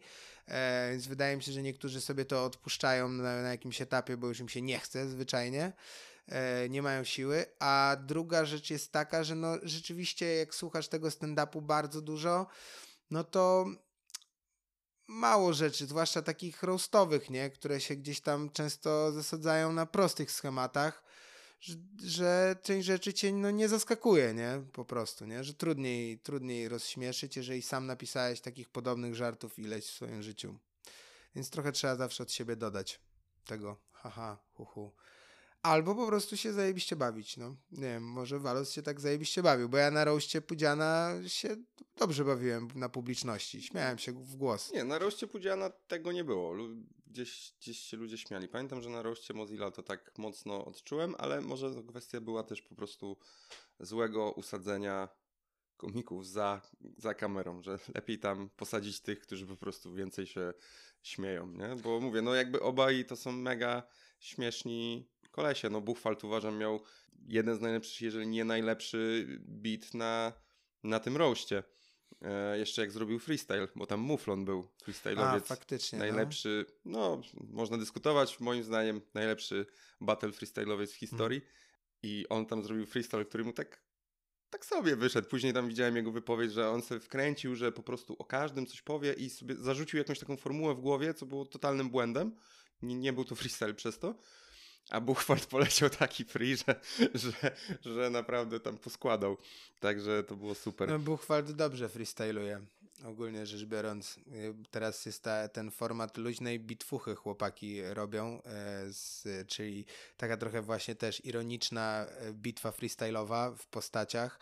E, no i Buchwald, większość ludzi leci na tym takim, wiesz, yo, kurwa! I wiesz, kominiarka na ryju i, i po prostu yy, robisz sobie z tego bekę, no a widać, że Buchwald rzeczywiście technicznie potrafi składać yy, te linijki, nie? W głowie. No. Yy, a to, co chciałem, e, jak zacząłem o tym roście, to jakbyś mógł wziąć jakiegoś fightera z dowolnej mm. dyscypliny, judokę, jiu-jitsu, MMA, e, boks, i zorganizować mu roast, to kogo, kogo byś wziął? Nie musisz się skupiać kompletnie nad jedną osobą. Jak ktoś ci przyjdzie do głowy, to mm. możesz wymienić więcej niż jedną. Zastanawiałem się nad tym już kilka razy yy, i zazwyczaj ciężko mi wymyślić yy, jakby, no wiesz, no roast Conora wydaje mi się, że to było, to byłby sztos, no. Jakby nie patrzeć, idealna osoba do roastowania. E, wydaje mi się, że to musi się kiedyś wydarzyć. Yy, mam nadzieję, że się wydarzy.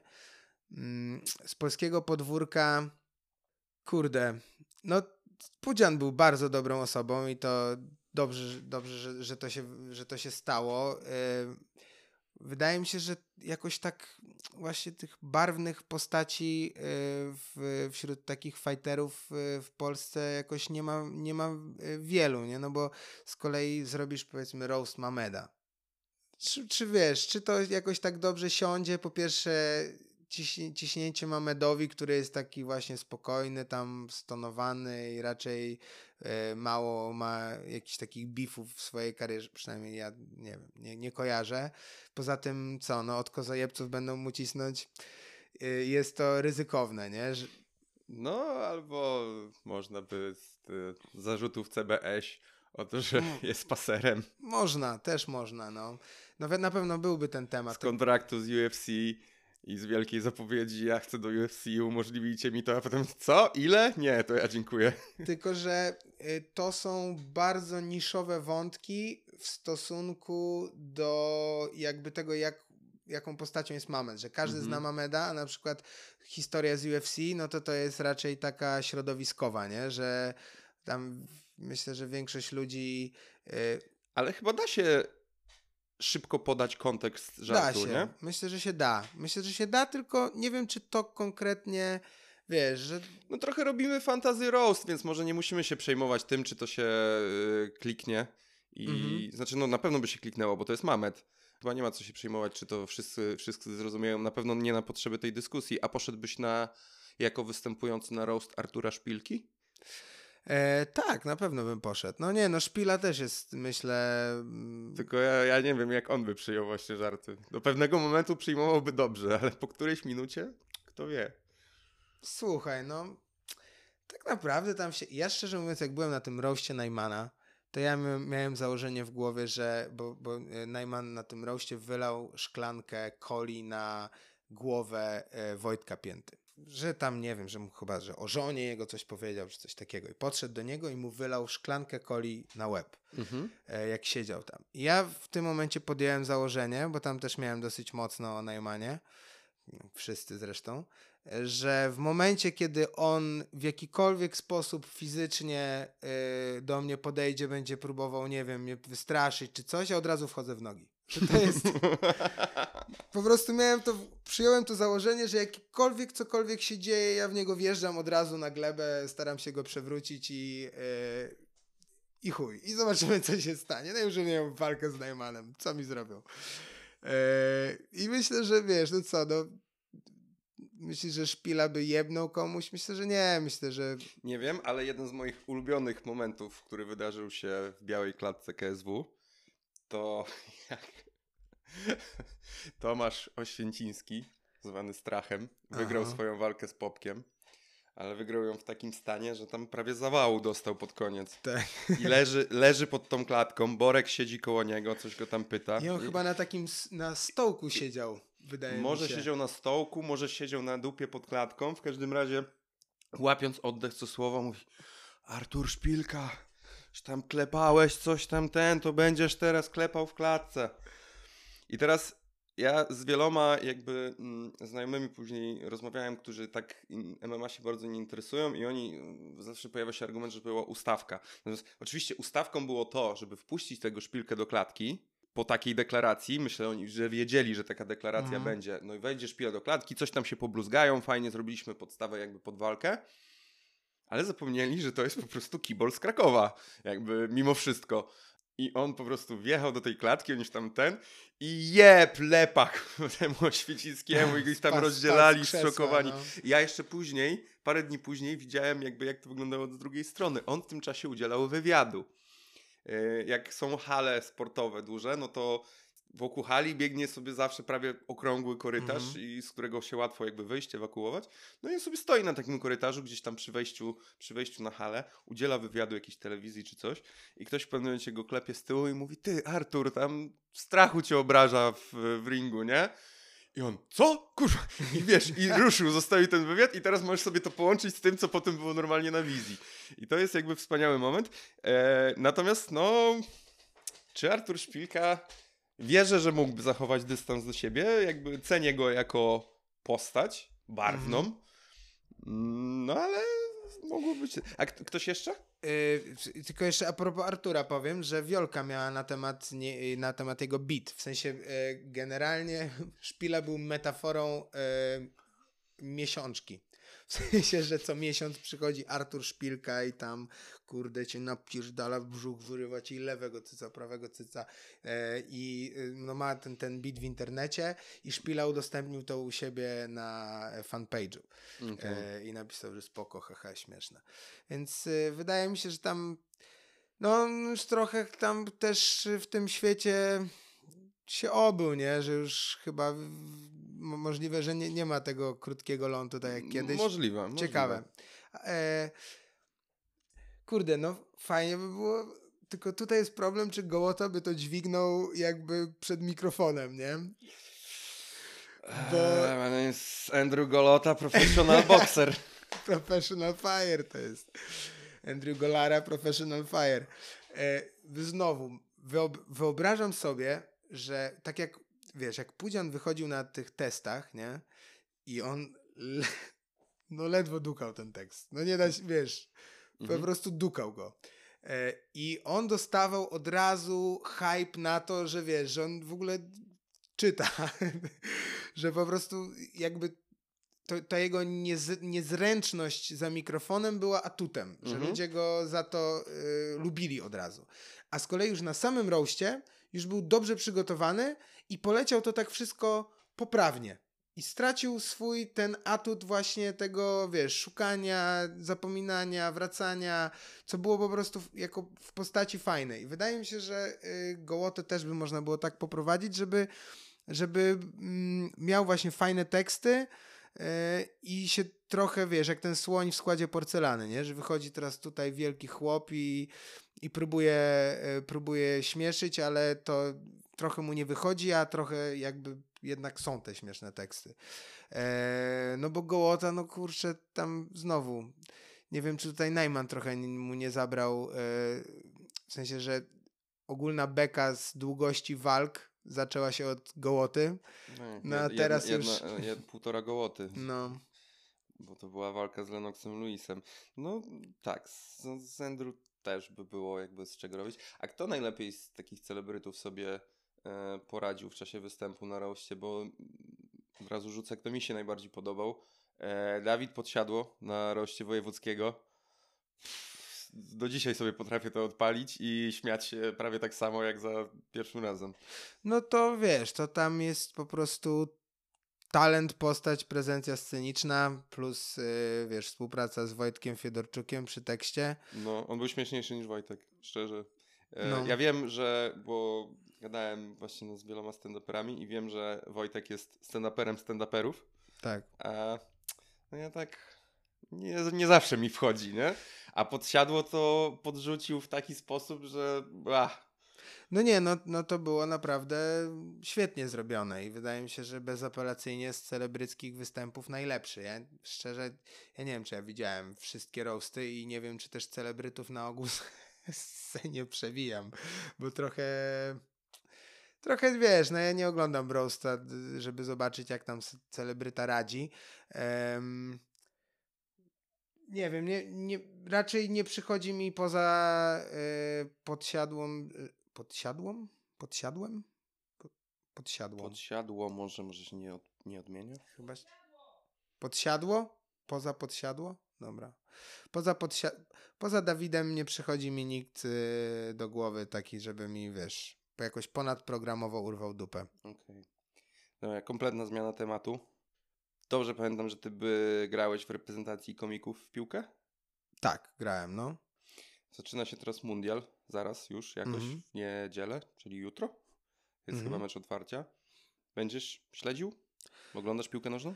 E, oglądam. Ogólnie rzecz biorąc, ja w ogóle gram w piłę w B-klasie.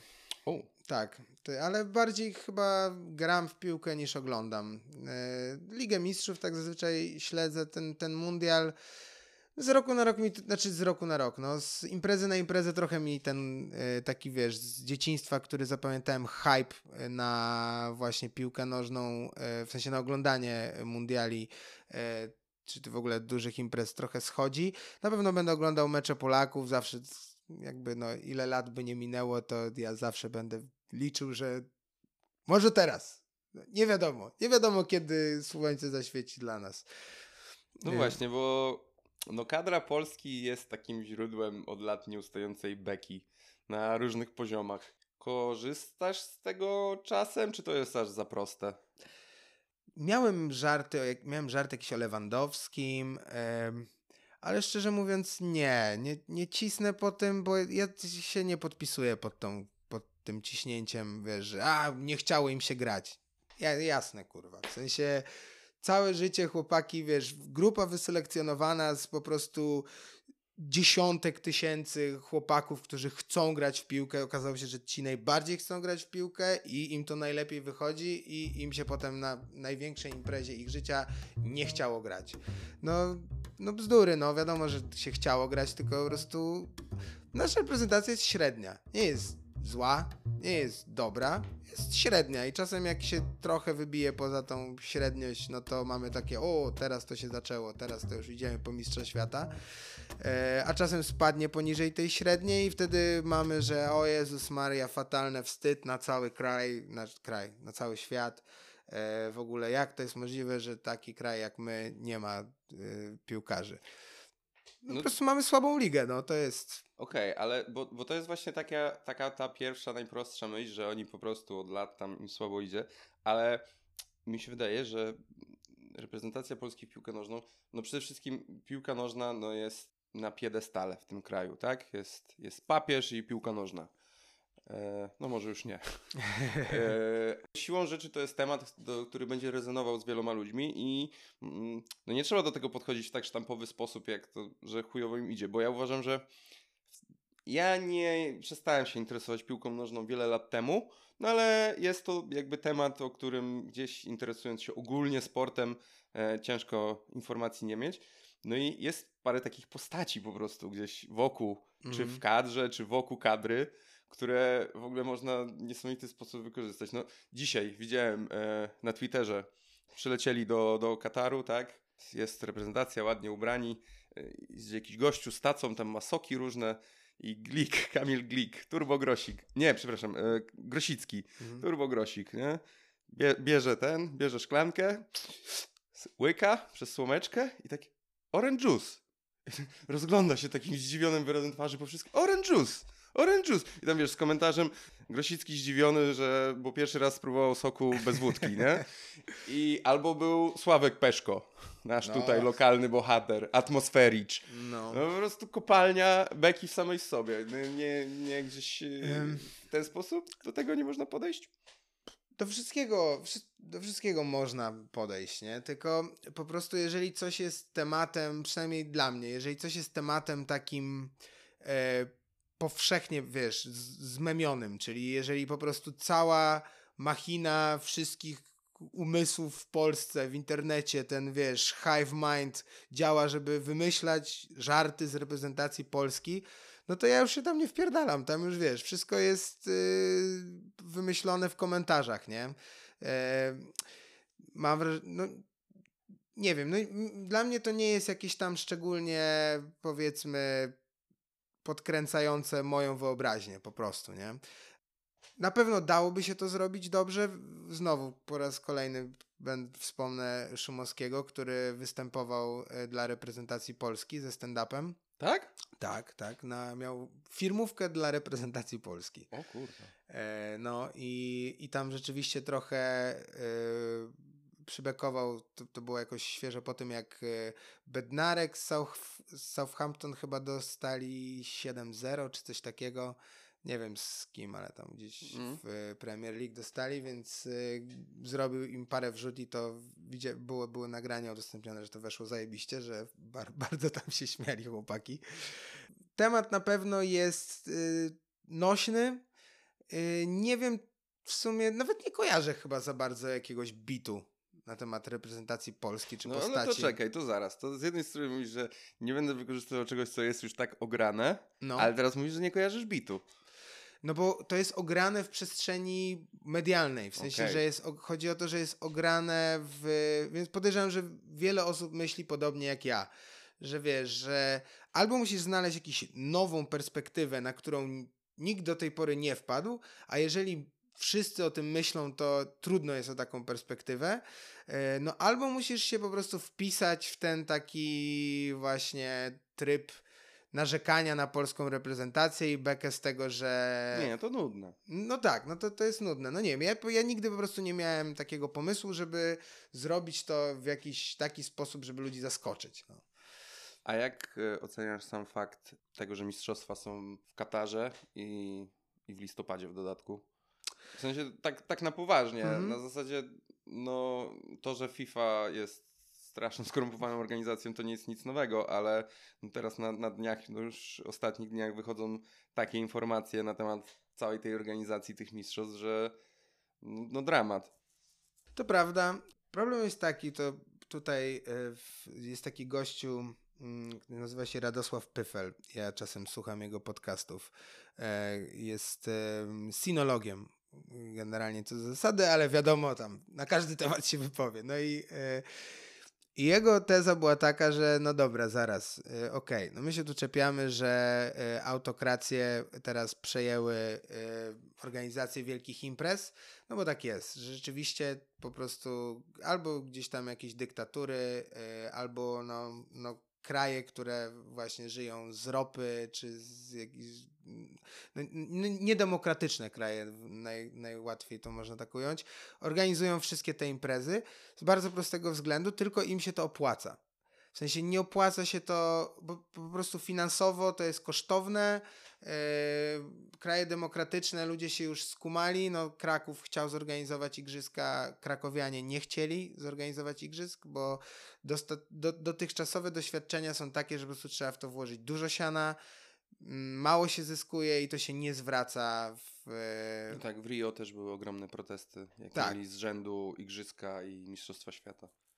No, no po prostu ludzie tego nie chcą, w związku z czym to jest niepopularne, wiesz... Yy, no, nie jesteś w stanie sobie wypłacić z tego jakiejś politycznej dywidendy, że to zrobisz.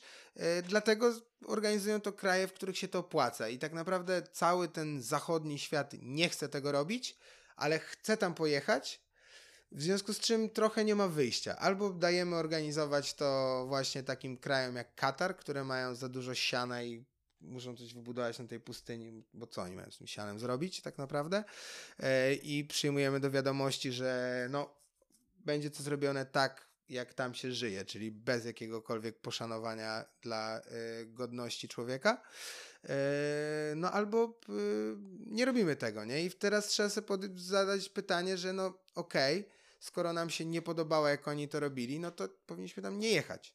No jeżeli tam jedziemy, no to znaczy, że uznajemy, że okej, okay, nie dało się tego zrobić inaczej, akceptujemy taki stan rzeczy, występujemy na, na Mistrzostwach Świata. Jeśli żaden piłkarz, żadna reprezentacja nie zbojkotowała tego. Nie jest to jakieś szokujące, ale wiesz, poszanowanie praw człowieka przy budowie tych stadionów, ale tak, ostatnio wyszła informacja, oczywiście niepotwierdzona, no ale teraz będą wątpliwości, że Katar sobie kupił mecz otwarcia Ekwadorczyków.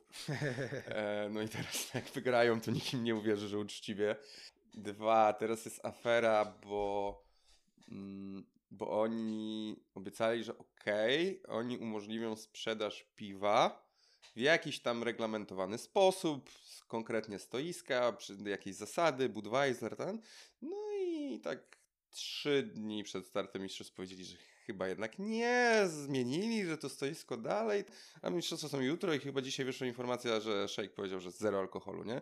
Złamali, wiesz, wszystkie umowy, ludzie tam śpią w kontenerach po, po jakieś tam tysiące dolarów i czy to się w ogóle nie odbije czkawką. Z tego co widzę, zainteresowanie samą imprezą wydaje mi się jest mniejsze niż do tej pory. Jeszcze ten listopad. Jest tak, jest dużo mniejsze na pewno. Yy... I mam nadzieję, że to się odbije czkawką. No, wydaje mi się, że jedyny rozsądny kierunek na przyszłość to jest yy, raz, że niepotrzebnie są tak duże te mistrzostwa, więc po prostu pewnie będzie musiała wejść jakaś reforma, która będzie robiła, wiesz, bardziej zło, jakby kwalifikacje, które będą eliminowały większą liczbę drużyn, rozłożyć to na 3-4 kraje, e, co jest z drugiej strony nieekologiczne teraz, tak, że trend no jest tak. taki, że nie chcesz tego śladu węglowego zwiększać, no a jeżeli zrobisz, e, rozrzucisz to powiedzmy nawet po, po Europie, tak, co możesz tak naprawdę tych ludzi w miarę tanio tam przewieźć e, samolotami, no ale znowu y, pewnie będą jakieś naciski ze strony Unii Europejskiej, żeby tego nie robić, bo, bo, bo ślad węglowy. Więc tak naprawdę chyba nie ma dobrych rozwiązań, no bo nikt tego nie zorganizuje w rozsądnym kraju, bo się nie opłaca. Y, jak to rozbijesz, to znowu traci tą powiedzmy otoczkę, z których z, których, z której Mistrzostwa Świata, czy ogólnie imprezy duże są znane, że wiesz, ten tygiel, wszyscy przyjeżdżają, tam się poznają, piją sobie razem, no tak jak było na Euro w Polsce. Euro 2012. Wspaniały czas. Ja spędziłem go w Japonii. To było, O, nie. oglądałem, musiałem w nocy wstać, żeby obejrzeć mecz Polaków w Polsce. O nie. No, przyjechałem na o, y, jakiś tam A ja widziałem, jak Hiszpanie z jakimiś Polkami piją z parasola, nie? Nie no, byłem. Jeden dzień chyba. E, Niemcy grały w Gdańsku i ktoś tam. I byłem na takim, na tym melanżu. E, Włosi grali, albo Hiszpania, Hiszpania, Włochy. Bo ja byłem na jednym meczu Euro 2012 i się śmiałem, że na finale, tylko że jak jeszcze grali go w grupie. I to była chyba Włochy, Hiszpania. Uuu, nice. Dobry mecz, żeby polosować w grupie. Tak, ale nie było, nie było jakoś dużo bramek. Tam było chyba albo 1-0, albo 2-1, ale z tych, jeżeli było 2-1, to z tych trzech bramek dwie padły z tej strony boiska, gdzie mieliśmy daleko. No, No, ale to- fajnie, fajnie było mimo wszystko tam pójść, pójść na mecz na Euro, no bo czemu nie? A tak mi przyszło do głowy, jak rzuciłeś hasłem świat węg- ślad węglowy, plus y, mówiłeś o tych, nazwijmy to, protestach w czasie waszego występu. Czy taka progresywna społeczeństwo, zmieniająca się kultura, która idzie jakby w tą stronę taką właśnie no, progresywną, lewicową, jakbyśmy tego nie nazwali, wpływa w jakiś sposób na stand-up. Przychodzi mi do głowy jedna sytuacja, jest y, niskorosła komiczka, tak? Tak. Nie pamiętam niestety Ola Petrus. Ola Petrus. Tam troszeczkę była afera, no bo ona sama e, zareagowała na używanie słowa karzeł w występach, tak? Przez kogoś konkretnego. Patrzę się. Paczesia. Od, odczuwasz jakoś jakby taką zmieniającą się kulturę w stand-upie? Yy, myślę, że tak. Myślę, że po części tak. Yy, myślę, że też. No nie wiem, no na mnie. Ja też się jakoś zmieniam pod względem yy, powiedzmy poglądów na, na. Bo dalej jestem yy, zwolennikiem jakby całkowitej wolności słowa, jeżeli chodzi o komedię, i uważam, że. Jak, jeżeli ktoś wychodzi na scenę w trakcie występu, maks do czego masz prawo, to wstać i wyjść. W sensie, no nie możesz przerywać. em, tylko znowu, no, do momentu, do jakiegoś momentu, no bo jeżeli ktoś będzie stał na scenie i, i rzeczywiście, nie wiem, nawoływał do tego, żeby kogoś pobić, tak? No to to jest już jakaś granica dla mnie jasna. No i znowu gdzieś tam idąc w stronę y, bardziej normalnych sytuacji, no gdzieś mam, ja wewnętrznie mam taką granicę, że jeżeli ktoś ciśnie jakoś tak. Mm, znowu, to jest wszystko strasznie subiektywne, nie? Dlatego, Oczywiście. dlatego jestem zdania, że no, max co możesz zrobić, to wstać i wyjść, ewentualnie po występie powiedzieć, stary, to było mega słabe. To było mega słabe, śmianie się w ten sposób, powiedzmy, z. mm, No nie wiem, no jeżeli ktoś na przykład nabija się z gejów, ale w takim, w taki sposób, że daje do zrozumienia, że to jest faktycznie coś złego, nie? Mhm. Że dobrze by było, żeby tych gejów to tam kurde najlepiej skopać i fajnie, że ci tam e, narodowcy to robią. No to to jest dla mnie już granica taka, że mam takie, no dobra, ten koleś już jakby nie wystąpi ze mną na jednej scenie, nie ma szans. No chyba, że albo ja z nim nie wystąpię, no jeżeli, ale na szczęście e, raczej się takie rzeczy nie zdarzają wśród e, powiedzmy zawodowych komików. To raczej jest domena jakichś tam open micerów. Ewentualnie po prostu, no jeżeli ktoś stwierdzi, że no dobra, kurde, no może nie fajnie, wiadomo, każdy ma jakieś tam prawo do ym, y, po, poprawy się. się. Ym, więc y, osobiście nie odczuwam, żeby czegoś mi było nie wolno. Nie mam, nie mam takiego poczucia, że, że coś mnie ogranicza, y, że, że gdzieś są jacyś ludzie, którzy nie wiem, pozwą mnie. Nie, zupełnie nie mam takiego poczucia. Mam poczucie, że wręcz nawet jak się stresowałem, bałem się mówić o jakichś rzeczach, jak potem o nich mówiłem, to było, y, ludzie to dużo lepiej przyjmowali niż, y, niż ja się spodziewałem. Ym, sama komedia wydaje mi się, że trochę zyskuje na tym, że ym, no takie najprostsze gdzieś tam żarty właśnie z Żydów, czy z czarnych, czy e, bo ja nie mówię, że nie można żartować z czarnych, tylko że jesteś w stanie rozróżnić jakoś tak empatycznie, który żart jest rasistowski, a który żart jest po prostu żartem z rzeczywistości. Z rzeczywistości jakiejś, no.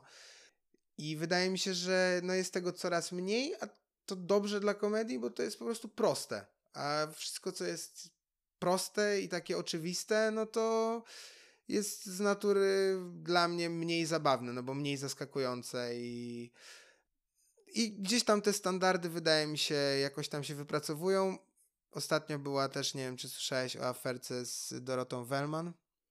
Mm, pozwać chyba kogoś chciała, tak? tak? Chciała pozwać i znowu sytuacja taka, w której obrywa polski stand-up jako całość z jakiegoś powodu. E, sytuacja była taka, że gościu sobie zorganizował, jest gala, gala rozdania węży i organizują Kamil Śmiałkowski który jest no, jakimś tam dziennikarzem, e, krytykiem filmowym. E, węże polegają na tym, że po prostu dostajesz nagrody za najgorsze role, najgorsze Odpowiednik filmy. Tak, złotej maliny. Dokładnie. E, no i gościu sobie wymyślił, że zrobi sobie tam e, pół godziny stand-upu na tej gali. No i spoko. No i napisał dosłownie z 6 dni przed tym, że hej, na, na takiej grupie tam naszej, gdzie, gdzie są komicy na fejsie, hej, y, organizuję taką galę, to jest za 6 dni, ale jakby ktoś chciał wystąpić, to, to zapraszam, y, można tam, pół godziny jest do zagospodarowania na stand-up. Ja się odezwałem, że w sumie mało czasu, ale dobra, jakbyś mi dał dzisiaj znać, to jeszcze ja zdążę zrobić dwa razy testy i bym napisał sobie taki jakiś podtok, bo powiedział, że tam będą celebryci jacyś, że można troszeczkę zroastować, yy, trochę w konwencji, może coś o filmach i że najlepiej, żeby był materiał napisany specjalnie na tę okazję i to będzie transmitowane live do neta. No i on mi no, odpisał po pięciu dniach, dzień przed imprezą, że jasne, dawaj, zapraszam w ogóle wszystkich, yy, dużo osób się zgłosiło, to będzie po pięć minut. Ja mam takie, no nie no stary, no ja nie napiszę na jutro tekstu od zera, więc dzięki. Moim zdaniem to generalnie słaby pomysł, no ale powodzenia. No i przy, oczywiście przyjechali tam też open mikerzy, ludzie, którzy zaczynają. Gościu, yy, słysząc, że będą celebryci, zrobił sobie żart, yy, napisał żart o Dorocie Wellman. Yy, I yy, żart dotyczył sceny z nowego wesela, yy, jak się nazywa? Smarzowskiego. Smarzowskiego, dokładnie w którym jest scena, nie pamiętam dokładnie, czy to typ rucha świnie, czy to świnia rucha jego, ale nieistotne. W każdym razie seks ze świnią. Taka, taka jest scena w, w Weselu Smarzowskiego. E, no i żart polegał na tym, że no, gratuluję tam temu aktorowi, który jakoś tam się nazywał tej sceny, bo dostał za to te, tego węża. E, on nie zdecydowałby się na scenę erotyczną z Dorotą Wellman. I tam nie było Doroty Wellman, nie? I to mhm. było tak, że generalnie tam nie było publiczności, więc to wszystkie żarty szły w ciszę. W związku z czym wszystkie komentarze na tej relacji to było ja pierdolę polski stand-up, znowu, znowu takie gówno, kto, oni myślą, że są śmieszni, ci polscy komicy, e, gdzie myślę, część była początkujących, niektórzy tam byli tacy, którzy występują, ogólnie warunki były katastrofalne, w sensie nie, no nie mogłeś dać dobrego występu, jak siedziało tam pięciu dziennikarzy i wiesz, mhm. i był y, Karolak, który to prowadzi. No i gościu po prostu przestrzelił, nie? Taki żart gdzieś tam na open micu czy na roastie przeszedłby bez problemu, nie? I gościu sobie obejrzał ileś tam roastów, zobaczył jakie są żarty na roastach, taki napisał i, i poszło. No i to, z tego rozkręciła się straszna afera. Ludzie tam Jezus, no po prostu podłe rzeczy pisali temu chłopakowi, nie? Że, mhm. że jest, no, że powinien w ogóle skończyć. I ludzie, którzy też występują, pisali, że, że w ogóle nigdy więcej na scenę go nie wpuszczać, że, żeby w ogóle w piwnicy go najlepiej zamknąć, że to jest skandal, w ogóle stąd się bierze putinizm i dlatego właśnie Rosja napadła na Ukrainę, bo, bo tacy ludzie są na świecie. No i, i tutaj dla mnie jest już właśnie to, to taki jeden z pierwszych przykładów, gdzie ym, świat przesadził po prostu, nie? Że rozumiem nawet, rozumiem nawet napisać, że ten żart był słaby, nie? No, rozumiem, że komuś to nie spodobało. Nie było tam Doroty Wellman. W sensie, no nie, nie bijesz w ludzi, których nie ma, jeżeli wiesz, że to będzie potem w internecie. Możesz sobie to zrobić na gdzieś tam w, piwnicy. Żart, no taki dla mnie, wiesz, Średni. średni po prostu, nie? Ale, ale nie mam do niego jakichś super negatywnych emocji. Po prostu te rzeczy, które wypływają i z których się robią afery, to jest, to jest jakaś kompletna loteria, bo takich żartów są tysiące i dużo gorszych i pojawiających się, wiesz, yy, w, w różnych miejscach, yy, przez dużo bardziej jakby rozpoznawalne osoby też, na jakichś testach, ktoś, no, no po prostu mnóstwo gówna się dzieje, no bo jak się dzieje dużo rzeczy, to też dużo gówna się musi wydarzyć.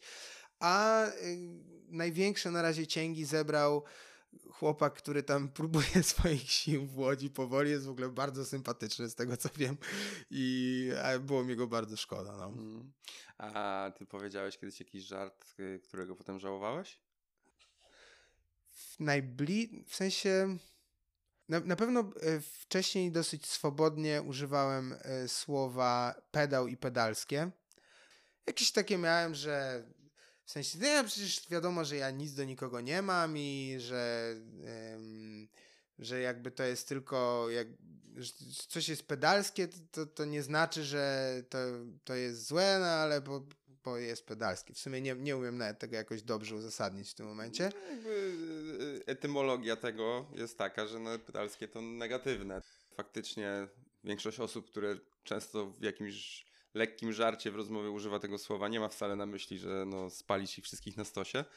E, no ale no, jest trochę takich słów, które w sumie bezrefleksyjnie już y, używamy jako coś negatywnego, a w sumie się kojarzą z pewną grupą społeczną. No Więc dla, rozumiem dlatego ja, ja na przykład po prostu uznałem, że tego słowa, bo wydaje mi się, że konteksty, w jakich go używałem, nie były w żaden sposób obraźliwe wobec tej grupy, wręcz nawet jakby starałem się, y, mam taki jeden żart y, właśnie o y, narodowcach, nie? że jakby nazy- nie chcę mi teraz opowiadać żartu, ale można sobie, Bogowie Komedii, tak się nazywa, taki krótki filmik mam w internecie, jak ktoś sobie chce, to sobie może sprawdzić.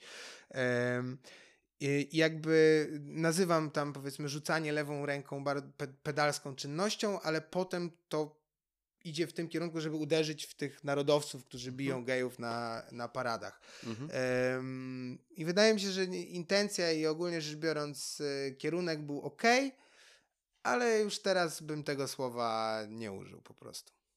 Słuchaj, wybiły nam dwie godziny. E, natomiast e, ja tutaj od poprzedniego odcinka jakby mam taki plan, żeby wprowadzić jakieś takie pytanie, które będę zadawał wszystkim gościom.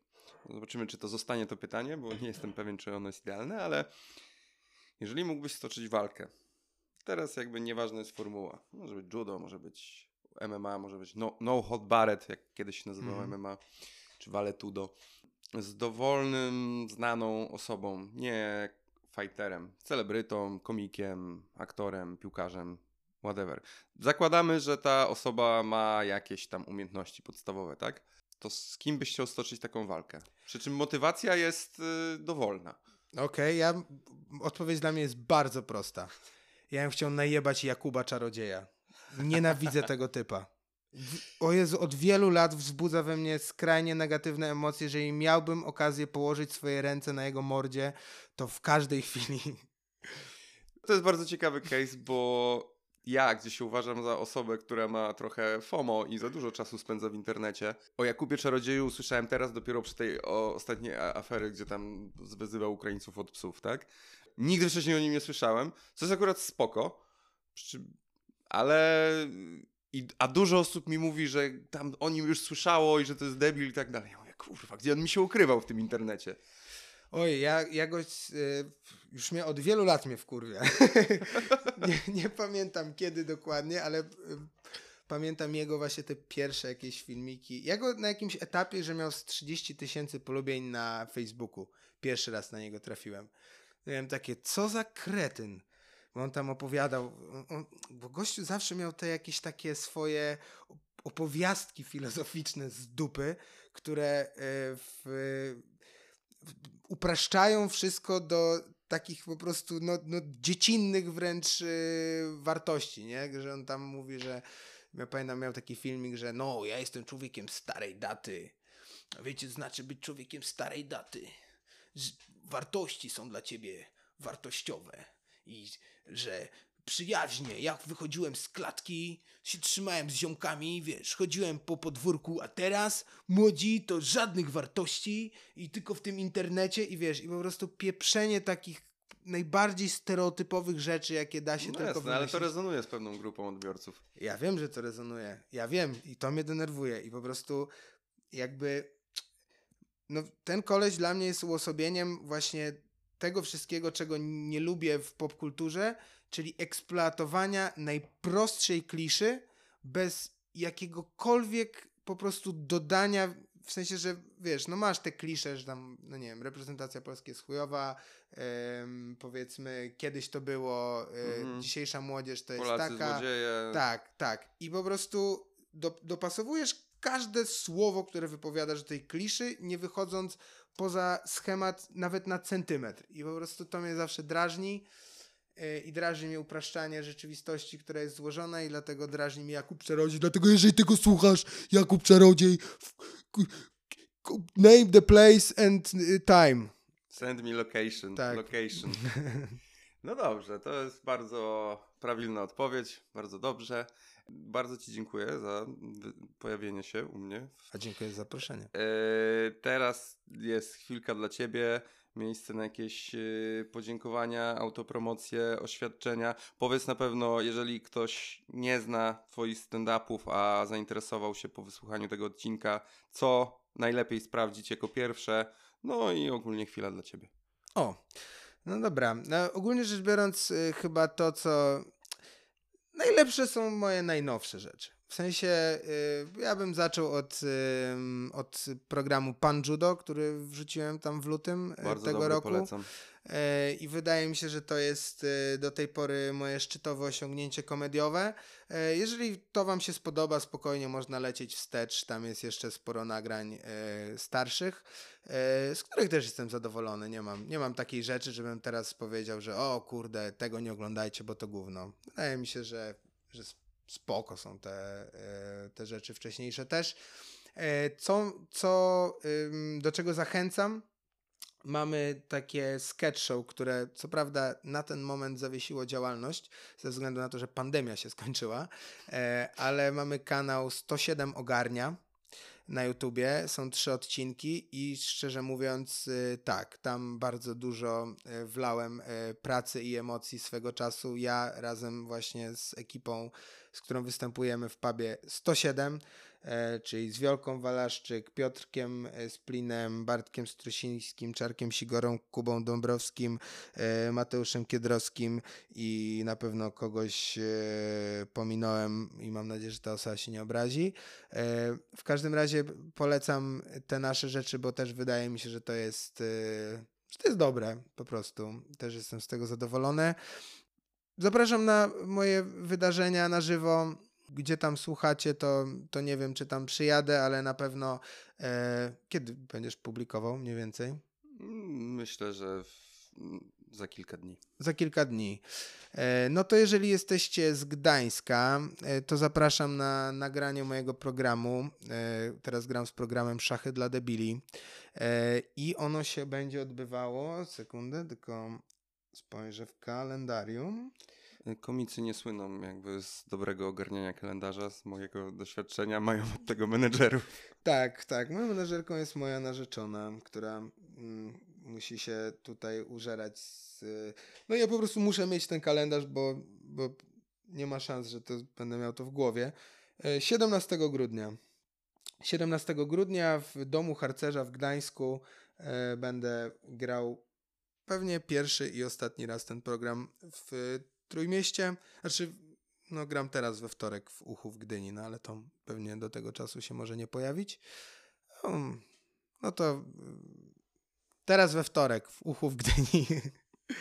E, Też y, będę występował i zapraszam na imprezy z cyklu One Puzer Show, na których w y, gdańskim pubie 107 improwizuję.